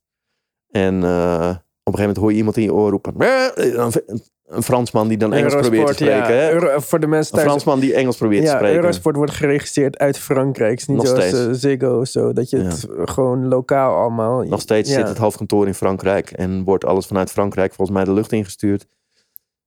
Dus dan ga je zitten daar en dan hoor je een Fransman die Engels probeert te spreken. Ja, subject please, subject please. Dus Met die- de audio engineer. En, de audio engineer, eh, ja, jouw Franse collega in die tijd. ja. En eh, wat zegt hij nou? Oh, soundcheck.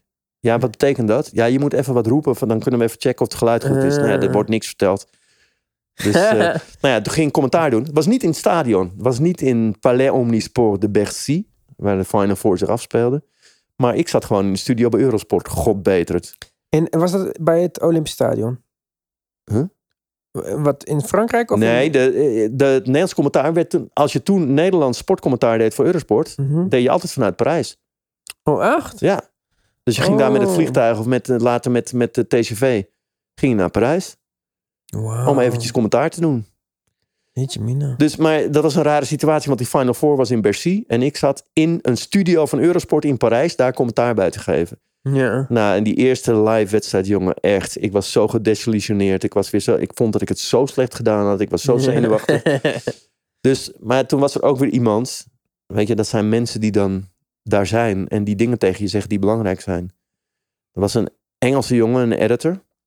Die verder ook niet zoveel verstand van basketbal had. Maar, dus ik, hij was eigenlijk de eerste. Ja, wij kwamen na, eh, nadat ik daar in de studio was geweest, kwamen we weer bij elkaar. Buiten eh, of in, het, in, het sta, in, het, in de arena. Ging ik daar weer naartoe.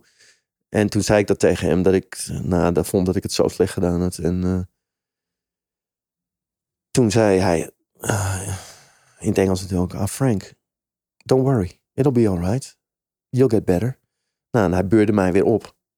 Anders was ik er echt weer op dat moment mee gestopt. Zoals ik ook al in eerste instantie van plan was om helemaal niet dit te gaan doen, omdat ik dacht dat ik het nooit zou kunnen. Mm. Ja, ja, ja. En eh, nou ja, inderdaad ben ik het blijven doen. En langzaam word je er dan beter in. En ehm, nou ja, toen eh, was ik dus twee jaar, had ik dat FIBA Slam gedaan. Nou ja, dat hield op. Oké, wat nu? Ik, ken, eh, ik heb alleen maar buitenlandse televisiecontacten, maar in Nederland niemand. Jawel, één iemand. Jacob, Bergsma. Ja, ik ken die naam nu ook Werkte toen bij Canal Plus. Ah. De voorloper van Sport 1. Wat de voorloper was van Ziggo Sport. Ja, ja, ja. En deed daar basketbalcommentaar en allerlei andere dingen. En Jacob, ik, ik vroeg, eh, ja, ik heb een tijdje een, heel kort wat ander werk gedaan, wat uitzendwerk, want ik moest toch geld verdienen natuurlijk. Maar, Mhm. nou, dan vroeg ik dat aan Jacob. En op een gegeven moment inderdaad, in de zomer van de 98, toen eh, belde Jacob mij. Nou, je kunt eh, twee maanden in de zomer kun je wat eh, gaan doen bij eh, Canal Plus. Wij hebben een programma wat vijf dagen in de week wordt uitgezonden, American Sports Magazine. En eh, daar komt honkbal, Major League Baseball zit erin. En er zat ook ijshockey in. En er zat volgens mij ook basketbal in. NBA denk ik dan, ja. Ja, want zij zonden ook NBA uit, dus het zat er ook in. Mhm.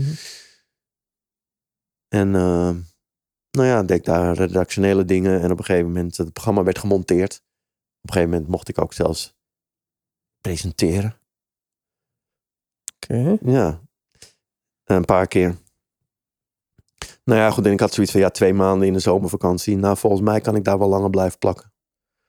Dus, eh, nou ja, toen, eh, dat, dat was inderdaad zo. Maar ik ben toen verder gegaan in eerste instantie als beeldbandredacteur.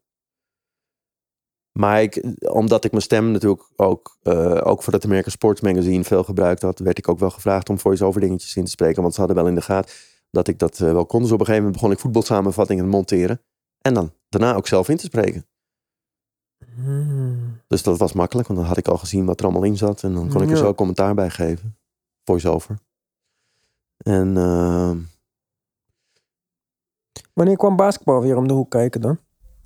Nou, dat, ehm, dat al vrij snel eigenlijk. Want in 2001 eh, vroeg eh, Jacob eh, of hij ermee ging stoppen. Weet ik niet. Of hij er helemaal ging, mee ging stoppen bij Canal Plus. Of alleen met basketbal, weet ik niet. Maar Ronald van Dam zat daar ook al toen natuurlijk. Die zat er al wat langer dan ik. Die heeft volgens mij ook nog de voorloper weer van Canal Plus meegemaakt. Supersport.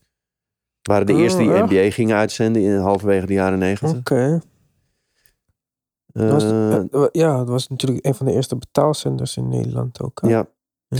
En eh, ja, dus, dus eigenlijk feitelijk alles bij elkaar. En volgens mij was het vanaf halverwege de jaren negentig. Heeft het dus eh, ruim 25 jaar bij één en dezelfde centgemachtigde gezeten. Die weliswaar steeds verschillende namen heeft gekregen. Was er niet ook filmnet voordat het Ja, Filmnet of ja, voor Filmnet. eh, voor Canal Plus had Filmnet en daar weer voor heette het Supersport. Ja, Nou ja, filmnet kan ik me nog het herinneren. heeft want heel veel namen ja, gehad in ieder geval. Daar was ook boksen op altijd en zo Ja. s'nachts. eh Ja. Maar in 2001 eh, kreeg ik de gelegenheid om ook eens een keer eh, een NBA-wedstrijd van commentaar te gaan voorzien.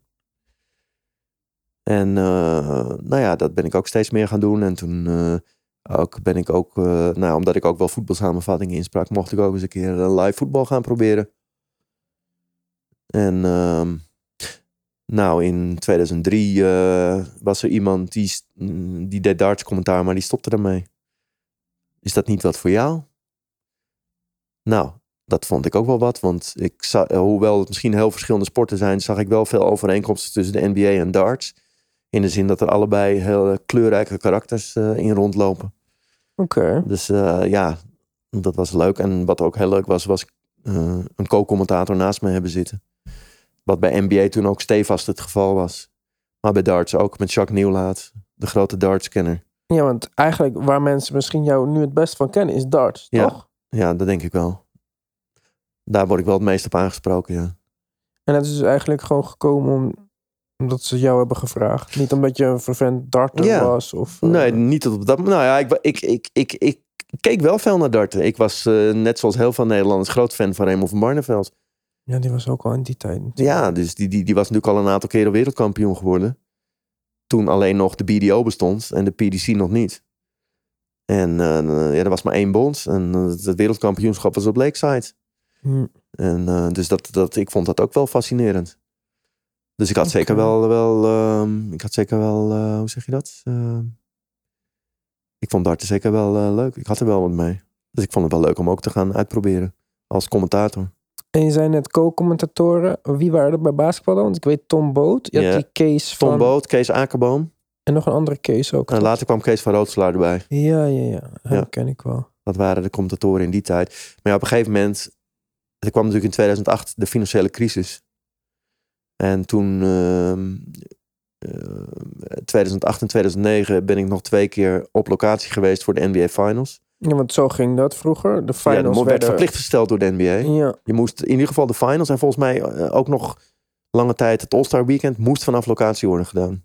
Door alle centgemachtigden in de wereld. Oké. En eh, dus ja, ik heb in 2008 twee wedst- de eerste twee wedstrijden van de finals tussen eh, de Celt- Celtics en de Lakers gedaan. In Boston, in de Garden, wat fantastisch was. Helemaal boven in de Garden. Eh, maar echt die, die sfeer, jongen. Die, die mensen daar. De basketbalkennis. De, de beleving. De, echt als een golf kwam het over je heen daar. Ik bedoel, 18, 19.000 mensen. Die daar... ehm, en, en de Celtics werden natuurlijk toen uiteindelijk kampioen. Maar ik heb toen alleen die eerste twee wedstrijden gedaan. Samen met Kees Akerboom. Jaar daarna nog ehm, drie wedstrijden in Orlando. Toen eh, de Lakers uiteindelijk in wedstrijd 5 kampioen werden. Anders zouden we ook nog naar LA gegaan zijn voor wedstrijd 6 en of 7. Dus dat was net even jammer. Shit. Met, eh, met eh, de Lakers natuurlijk met Kobe Bryant. Shaq toch? Beide jaren. Was Shaquille O'Neal ook nog daar toch? Of niet? Of Pau Gasol? 2008, 2009. Ja. Zal ik, je, zal ik je zeggen dat ik dat gewoon even niet meer weet? Nee, nee, nee, was hij niet Ik weet alleen maar Kobe. Ja. En Dwight Howard aan de andere kant. Ja, dat... Ja, en nog wel een paar namen. Maar het gek dat ik niet meer weet of Shaq toen... eh, Nee, ik denk het niet. Ik Nee, denk volgens dat, mij niet, hoor. ehm, eh, dat het jaar met Pau Gasol was. Ja, dat denk ik. Ja, Pau Gasol. Ik zie hem zo weer voor me in, in, de, in de perszaal bij persconferenties. Ja, Pau Gasol. Nee, geen check. Nee, Shaq Nee, was dat zou, lang weg. dat zou ik zeker geweten hebben. Ja, Shaq was al lang weg. Want Shaq was ehm, in 2004, 2005 al bij Miami. Dus die was niet eh, in de buurt meer van... eh. Oké. En Dus op locatie zelfs commentaar gedaan. Ja, dus, dus eh, wat natuurlijk ook weer een fantastische ervaring was. Het tweede jaar was dat met Tom Boot. Drie wedstrijden. Mhm. En nou, ja, het meest indrukwekkende wat mij het meest is bij... Nou ja, goed, dus die fantastische sfeer in de Garden in 2008. En 2009 was het vooral... Kijk, wat natuurlijk fantastisch is, is dat je als, als journalist, als verslaggever... enorm veel privileges hebt in de NBA. Het is fantastisch geregeld. Maar je mag tot... Nou, nou wil ik even vanaf wezen, maar ik meen tot drie kwartier voor de wedstrijd... mag je gewoon nog in de kleedkamer. Mhm.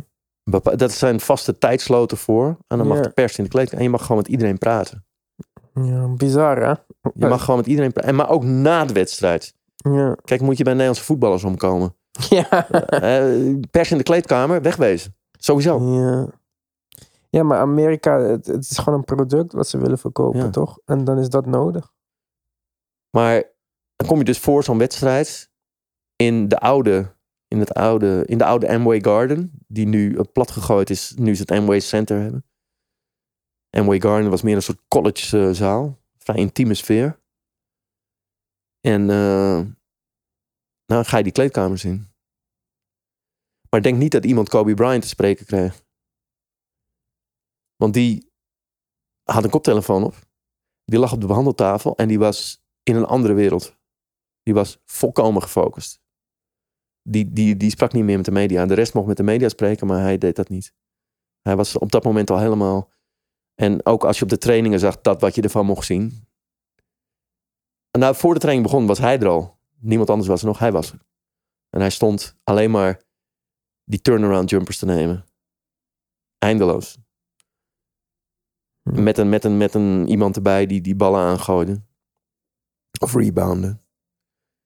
En ehm, nou, dan ga je naar de andere kleedkamer toe van de Orlando Magic. De Lakers waren al... Volgens mij mocht je vanaf anderhalf uur voor de wedstrijd tot drie kwartier... mocht je in de kleedkamer. Zoiets, ik weet niet meer exact meer. Oké. En eh, dan ga je naar de andere kleedkamer toe, die van de Magic. Nou, die kwamen pas een uur voor de wedstrijd aankakken. Stan Van Gundy was toen de coach. En ehm, ja, die, die- voor mijn gevoel liepen die alleen maar lol te maken. Dwight Howard was natuurlijk een Dat grote, is echt een lolbroek. grote ja. lolbroek. Die met iedereen altijd maar gein stond te trappen. Ja. En eh, je had nog een Fransman, ik ben zijn naam even kwijt. Er was ook eentje van een, van een paar broertjes. Ehm, nou, die, die was ook altijd wel in voor een practical joke. En nou ja, die sfeer bij de Magic was gewoon heel anders. En bij de Lakers was het gewoon echt, eh, echt strak gefocust. En eh, Mamba mentality. nou, was Phil Jackson was natuurlijk de coach. Mama mentality. En bij de Magic was het gewoon een beetje een schoolklas gebeuren. Ja, en, en je zag ook Stan Van Gundy in die time-outs. En, en ja, die liep te schreeuwen tegen die gasten. Maar je had niet het gevoel dat het, eh, dat het binnenkwam of zo, zeg maar. nou ja, ze Aha. verloren die serie ook met 4-1.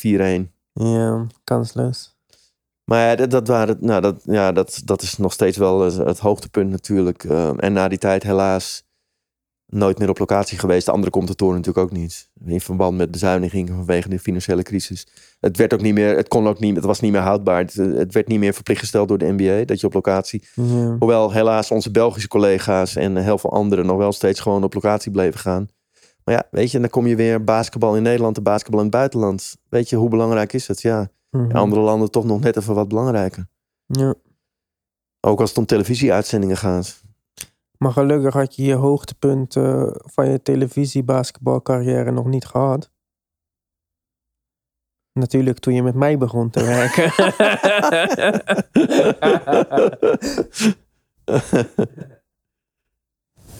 Want dat was pas daarna. Maar eh, kijk, wij hebben best wel lang samengewerkt. Ja. Twaalf jaar, denk Ja, ik. niet geloven, hè? Ja. En eh, ontzettend veel eh, nachten eh, eh, samengewerkt. Avonden, maar meestal nachten, ja. ja. meestal nachten. Ja.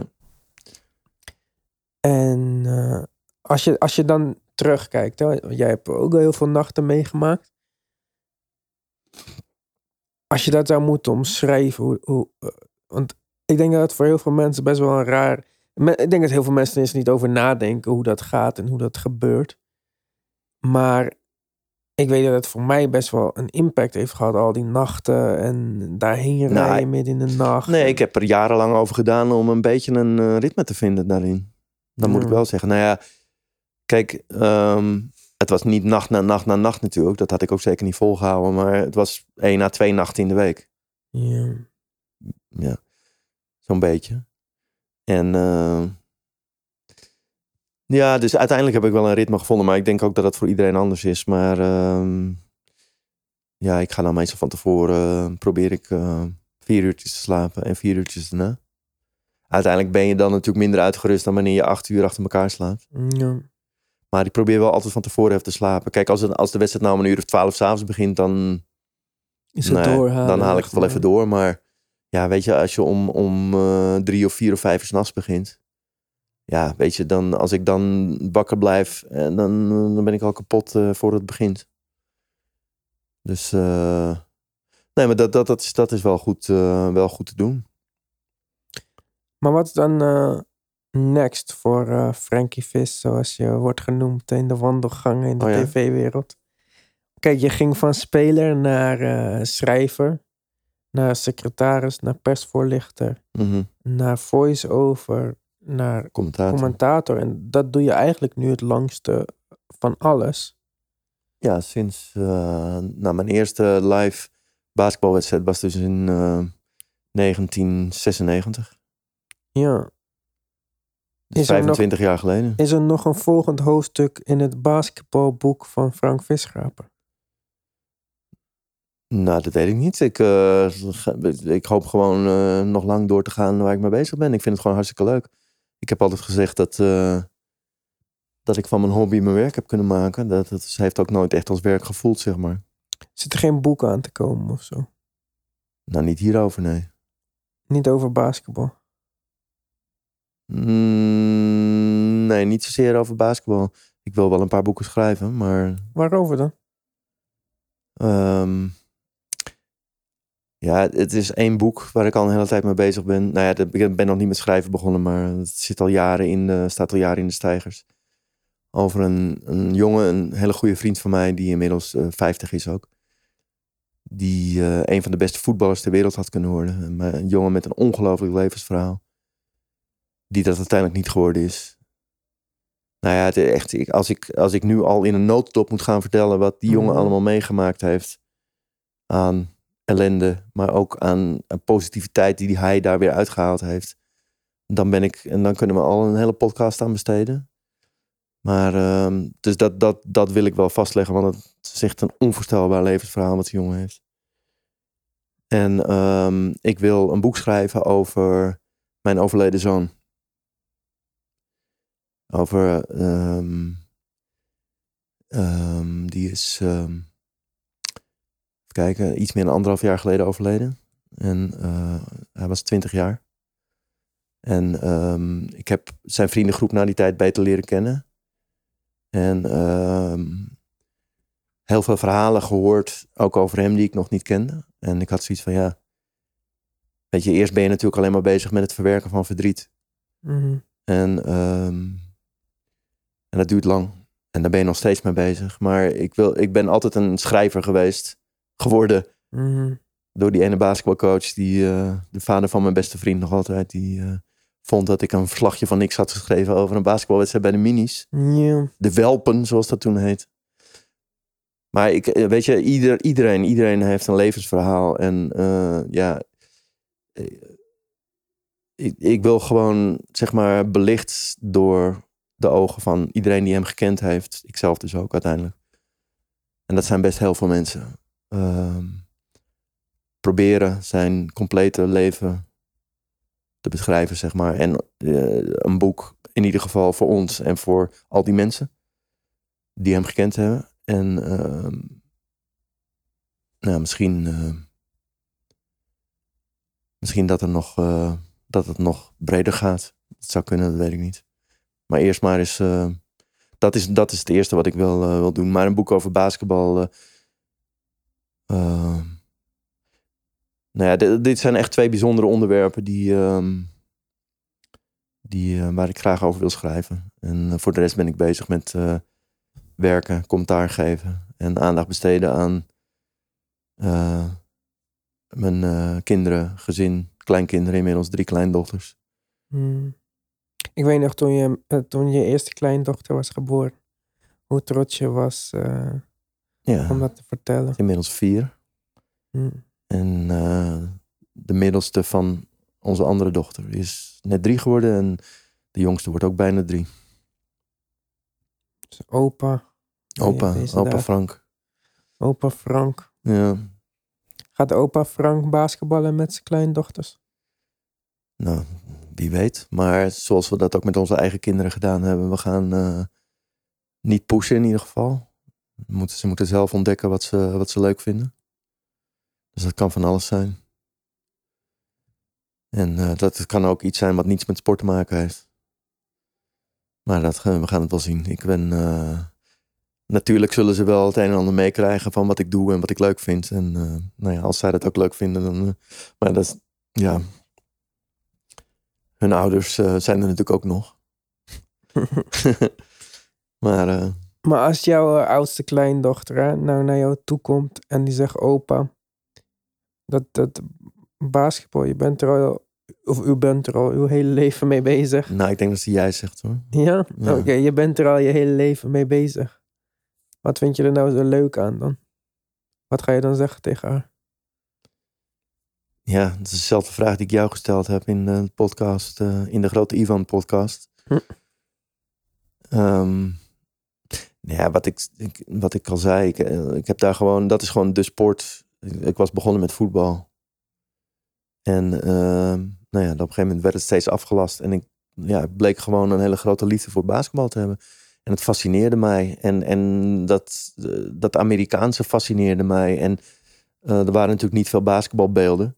Basketbalfoto's fascineerden mij. Ik probeerde op een gegeven moment ook basketbalfotograaf te worden. Ik heb ook nog wel, eh, ik schreef dus ook voor de Telegraaf, maar ik maakte ook nog wel eens foto's daarvoor al. En één keer werd er eentje in het parool geplaatst. Hele mooie foto van Amsterdam, waar ik eerder dus zelf op de bank gezeten had. Die de eerste wedstrijd won in Den Bosch, wat vrij sensationeel was. En die na afloop springt er één op de feestende meute, een van die spelers. En precies op dat moment drukte ik af. En ik ging met die foto naar het parool, want ik zag dat er geen enkele andere fotograaf aanwezig was daar. En die werd geplaatst. Hm. Oh, is dat niks voor jou? Eh, wil je geen sportfotograaf worden? Nou, ik eh, wist dat niet. Dus dat ben ik uiteindelijk niet geworden. Maar dat had ook zomaar gekund. Had ook zomaar gekund. Maar voor het basketbalblad van Mart Smeets eh, schreef ik ook en maakte ik ook wel foto's. Die ook wel geplaatst werden. En ehm, ik, ik kom dan toch nog even terug op een herinnering. ehm, waar ik al een tijd aan zat te denken. Waarvan ik dacht, hoe kan ik die nou het verhaal verwerken? Maar Mhm.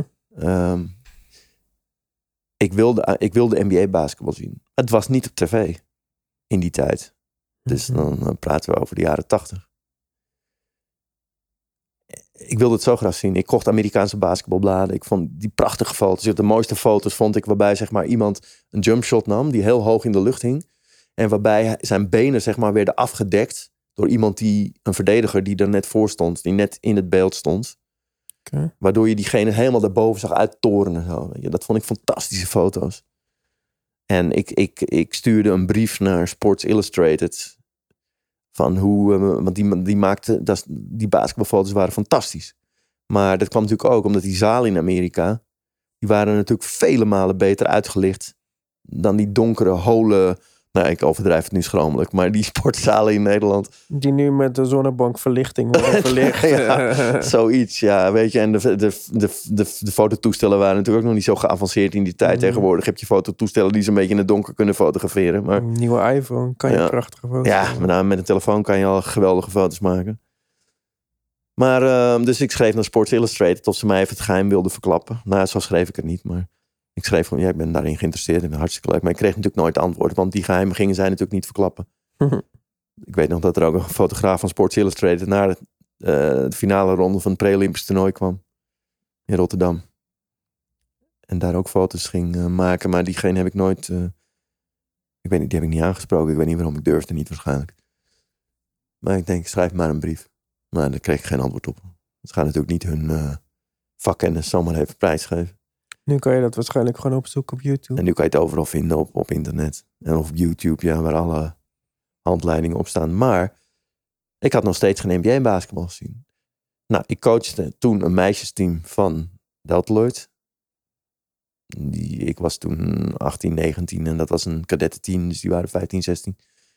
Ik werd gevraagd om te coachen, dus ja, dat ga je dan ook maar doen. En ehm er was één meisje die zei...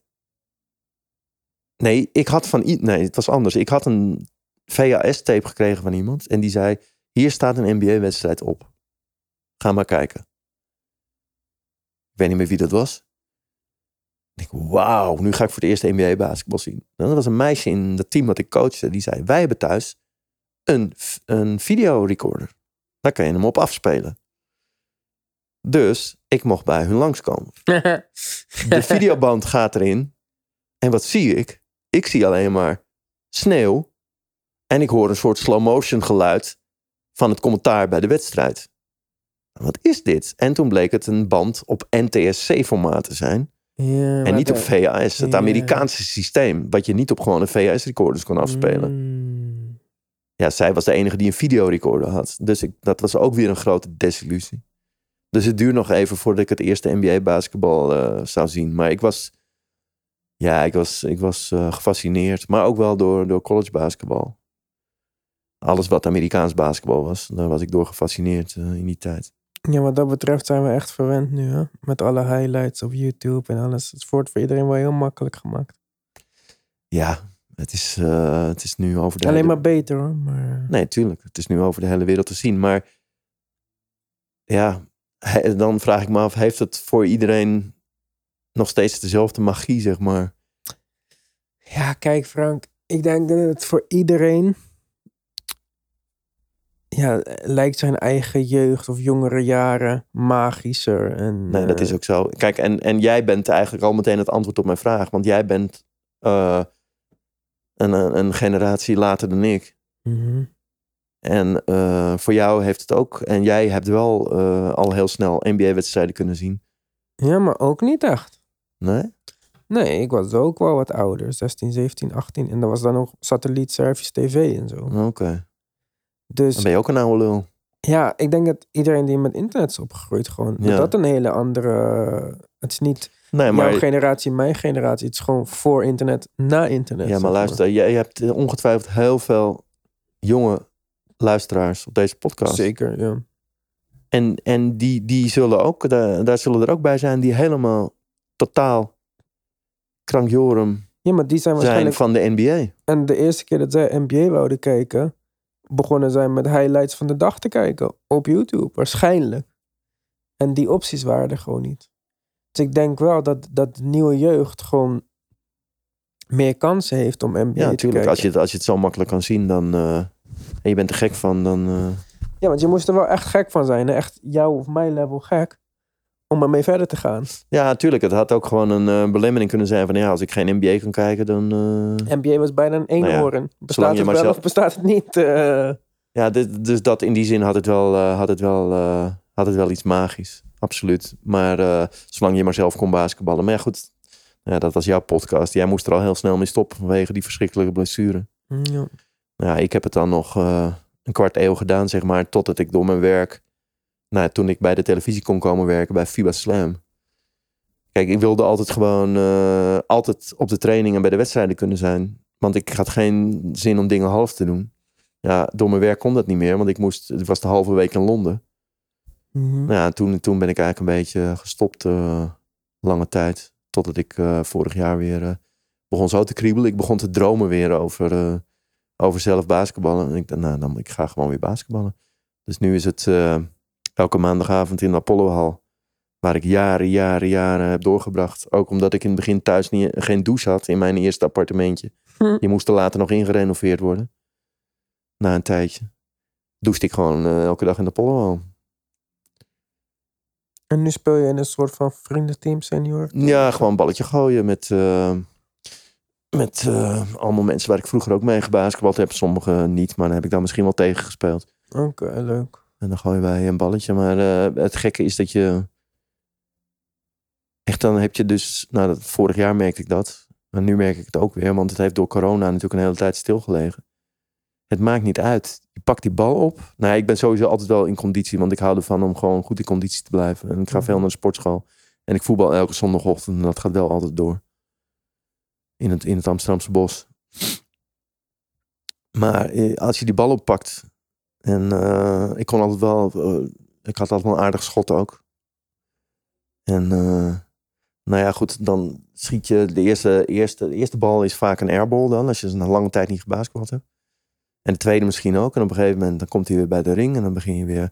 Nou, binnen no time sta je gewoon weer al die ballen lekker in te paffen, jongen. Dat, dat, dat, zit zo, ja, dat zit zo in je systeem. Beste gevoel op de wereld? Ja, denk ik wel. Kijk, laten we wel wezen, zo'n voetbaldoel is eh, geloof ik 7,5 meter breed. En eh 2 meter hoog of zo. Ja, daar is geen kunst aan natuurlijk. Toch? Deze Kijk. podcast heeft zoveel kritiek op voetbal. Het is echt niet normaal. Nee, maar ik vind voetbal ook heerlijk. Ja. Ik vind voetbal ook heerlijk. Maar eh, basketbal is, ja, dat is... Ik weet niet, het is toch op alle fronten is het een enorme uitdaging. Ehm, zoveel techniek, zoveel tactiek, zoveel mogelijkheden. Eh, je moet een bal van 23 centimeter doorsnee in een mandje van 45 centimeter doorsnee schieten. Dus die past er precies twee keer in.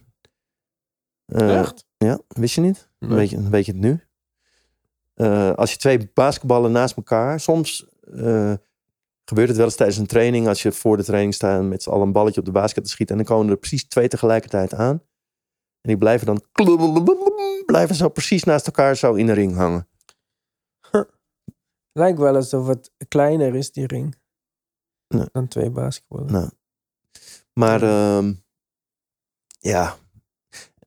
Ehm, en je hebt veel meer controle over een bal. Hè? Met je voeten is het, is het lastiger. Kijk, je, een bal kun je ook vasthouden. Maar voetbal kun je niet vasthouden, want dan wordt hij onder vandaan getrapt. Dat mag ook niet trouwens. Je mag een bal niet klemmen sowieso. Ja, maar Je mag hem wel onder je voeten houden. Toch is het raar dat een kind bijvoorbeeld als eerste tegen een bal trapt. En niet de bal. Ja, maar dat is in de- Nederland. Ik denk niet dat hij in Amerika als eerste tegen een bal trapt. Nee, Nee.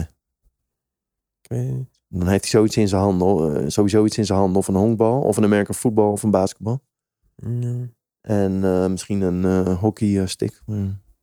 In Canada misschien. Nee, in Amerika wordt natuurlijk ook wel gevoetbald. Het is daar ook vrij populair geworden. Ja. Maar goed, Ja, maar goed. heb ik nog iets vergeten te vragen? Of is er iets wat je nog echt wil vertellen? Nou ja, kijk. Ik, eh, ik wil alleen maar zeggen dat ik hoop dat eh, de mensen dit ook een leuke podcast vinden. Kijk, ik heb natuurlijk niet zo'n basketbalverleden als eh, mensen die je ook in deze podcast gehad hebben. Als Francisco Elson of Geert Hamming. Ja, oké, maar dat zijn ook wel twee uitzonderingen. Maar eh, nou ja, wel het een is, basketbal leven. Het is wel een basketballeven. Nou, dat is het zeker. Ja, een basketballeven vanaf mijn negende. Daarom. Dus eh, ja, absoluut. Nee, ja, goed. En, en wat ik verder nog wil zeggen is inderdaad dat, ehm, dat, ehm, dat wij eh, best lang inderdaad samengewerkt hebben. En dat dat, ja, jij was, eigenlijk heb jij de laatste 12, 13 jaar bijna alleen, eh, ben jij de enige audiotechnicus geweest die eh, die NBA-uitzendingen gedaan heeft. Dus jij was er altijd. Mhm. Ik was er natuurlijk niet altijd, want er was ook Ronald van Dam of Mart Smeets die het commentaar deed. Mhm. Uh, maar als ik er was, was jij er ook altijd.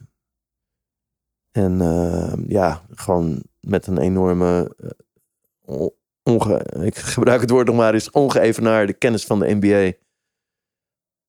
Zowel op technisch als tactisch vlak. En met een enorme drang om alle laatste dingen te weten. Dus dan is het ook altijd fijn om van tevoren nog even, voordat we de uitzending ingaan, uh, met jou uh, te sparren over uh, de laatste dingen die er gebeurd zijn. Die jij vaak altijd veel beter weet dan ik. Ja, ik, jij bent alleen maar met de NBA bezig. En ik heb natuurlijk ook nog een aantal andere dingen waar ik mee bezig ben. Andere sporten waar ik commentaar bij geef. En, kinderen en kleinkinderen. Kinderen en kleinkinderen. Um, en dat ik hoop, dat is, daar hebben wij op dit moment nog geen zekerheid over. Maar dat ik hoop dat, uh, dat ik nog uh, veel, uh, vele jaren met je mag samenwerken. Dat het daar toch dan op uit gaat draaien. Hm. Maar dat zullen we moeten gaan zien. Dat weet ik ook niet. Ik wil wel uh, zeggen over de jaren die we al hebben samengewerkt. Dat ook voor mij um, toch bijzondere jaren waren. Niet alleen op basketbalgebied. Maar ik kwam daar ook uh, binnen als een uh, jonge man die uh, niet echt wat had gezien van de. Hoe oud was je? 23 of zo? 23, ja. Ja. En. je was net je beste vriend verloren? Ja, en jullie, jij, Mart, Ronald, um, Johan, Remco, Bas. Jeroen, David, Ilja, al die uh, mm. mensen die naast mij hebben gezeten in die jaren. Ja, het, is het was een heel groot gedeelte van de mijn producers. leven natuurlijk. Ja, de producers. Ja. Volgens mij heb ik ze wel allemaal uh, genoemd ik nu. Dat, denk het wel, ja. en uh, Francisco Geert. Uh, als co-commentatoren die dan co gelukkig de laatste jaren weer ja. tijdens de play-offs erbij, waren. erbij kwamen. Dus het is toch, het is voor mij ook een heel groot gedeelte van mijn leven natuurlijk. En uh, of we nog samen gaan werken, dat weet ik niet. Nee, maar we gaan in ieder geval contact houden. Kijk, dat wou ik net zeggen. Het heeft ook. Uh, Al was het alleen maar voor de podcast. Niet onze samenwerking, maar uh, dat we klaar zijn met samenwerking. Dat jij voor het eerst hier bij mij bent. Dus dat geeft hoop voor de toekomst. Dat ja. we het werk niet nodig hebben om contact te houden. Nee, nee, nee. Zeker niet. Nee. We zijn toch uh, langzamerhand een soort van bevriend geraakt, toch? Sowieso. Ja. Als al zullen er vrienden zijn die je wel veel vaker ziet. Maar het voelt, zo voelt het wel in ieder geval. Ja. Heel fijn om samen te werken. Ja, we hebben elkaar wel behoorlijk op zitten hemelen nu natuurlijk. Uh... Mensen denken nu erg waar. Waar gaat dit over? Wat ja. zijn dit voor... Uh... Ja. Maar uh, goed mensen, het is ook al uh, ja. 11 uur geweest in de avond. Oh mensen, ja, ja, bij jullie misschien niet op dit moment. Want ja, je kunt de podcast ja, luisteren op het moment dat je wil. Natuurlijk. Heel fijn. Wij hebben Sliowitz gedronken en wijn. Ja, dus, uh, een klein glaasje Sliowitz. Ja, jij. Ja, ik en één glaasje wijn. Ja, jij allemaal. Ja. Heb jij meer gedronken? Sowieso. Oh? Ja, iedereen een stuk sneller dan jij, heb ik gemerkt vandaag. Maar je bent uitstekend bij de les gebleven. Ja, het zit in Weer een compliment. Of, alcohol uh, kunnen accepteren. Frank, ik wil je bedanken ja, ik voor deze ook. podcast. En uh, ik vond het heel gezellig. Dankjewel dat je er was. Oké, okay. heel graag gedaan.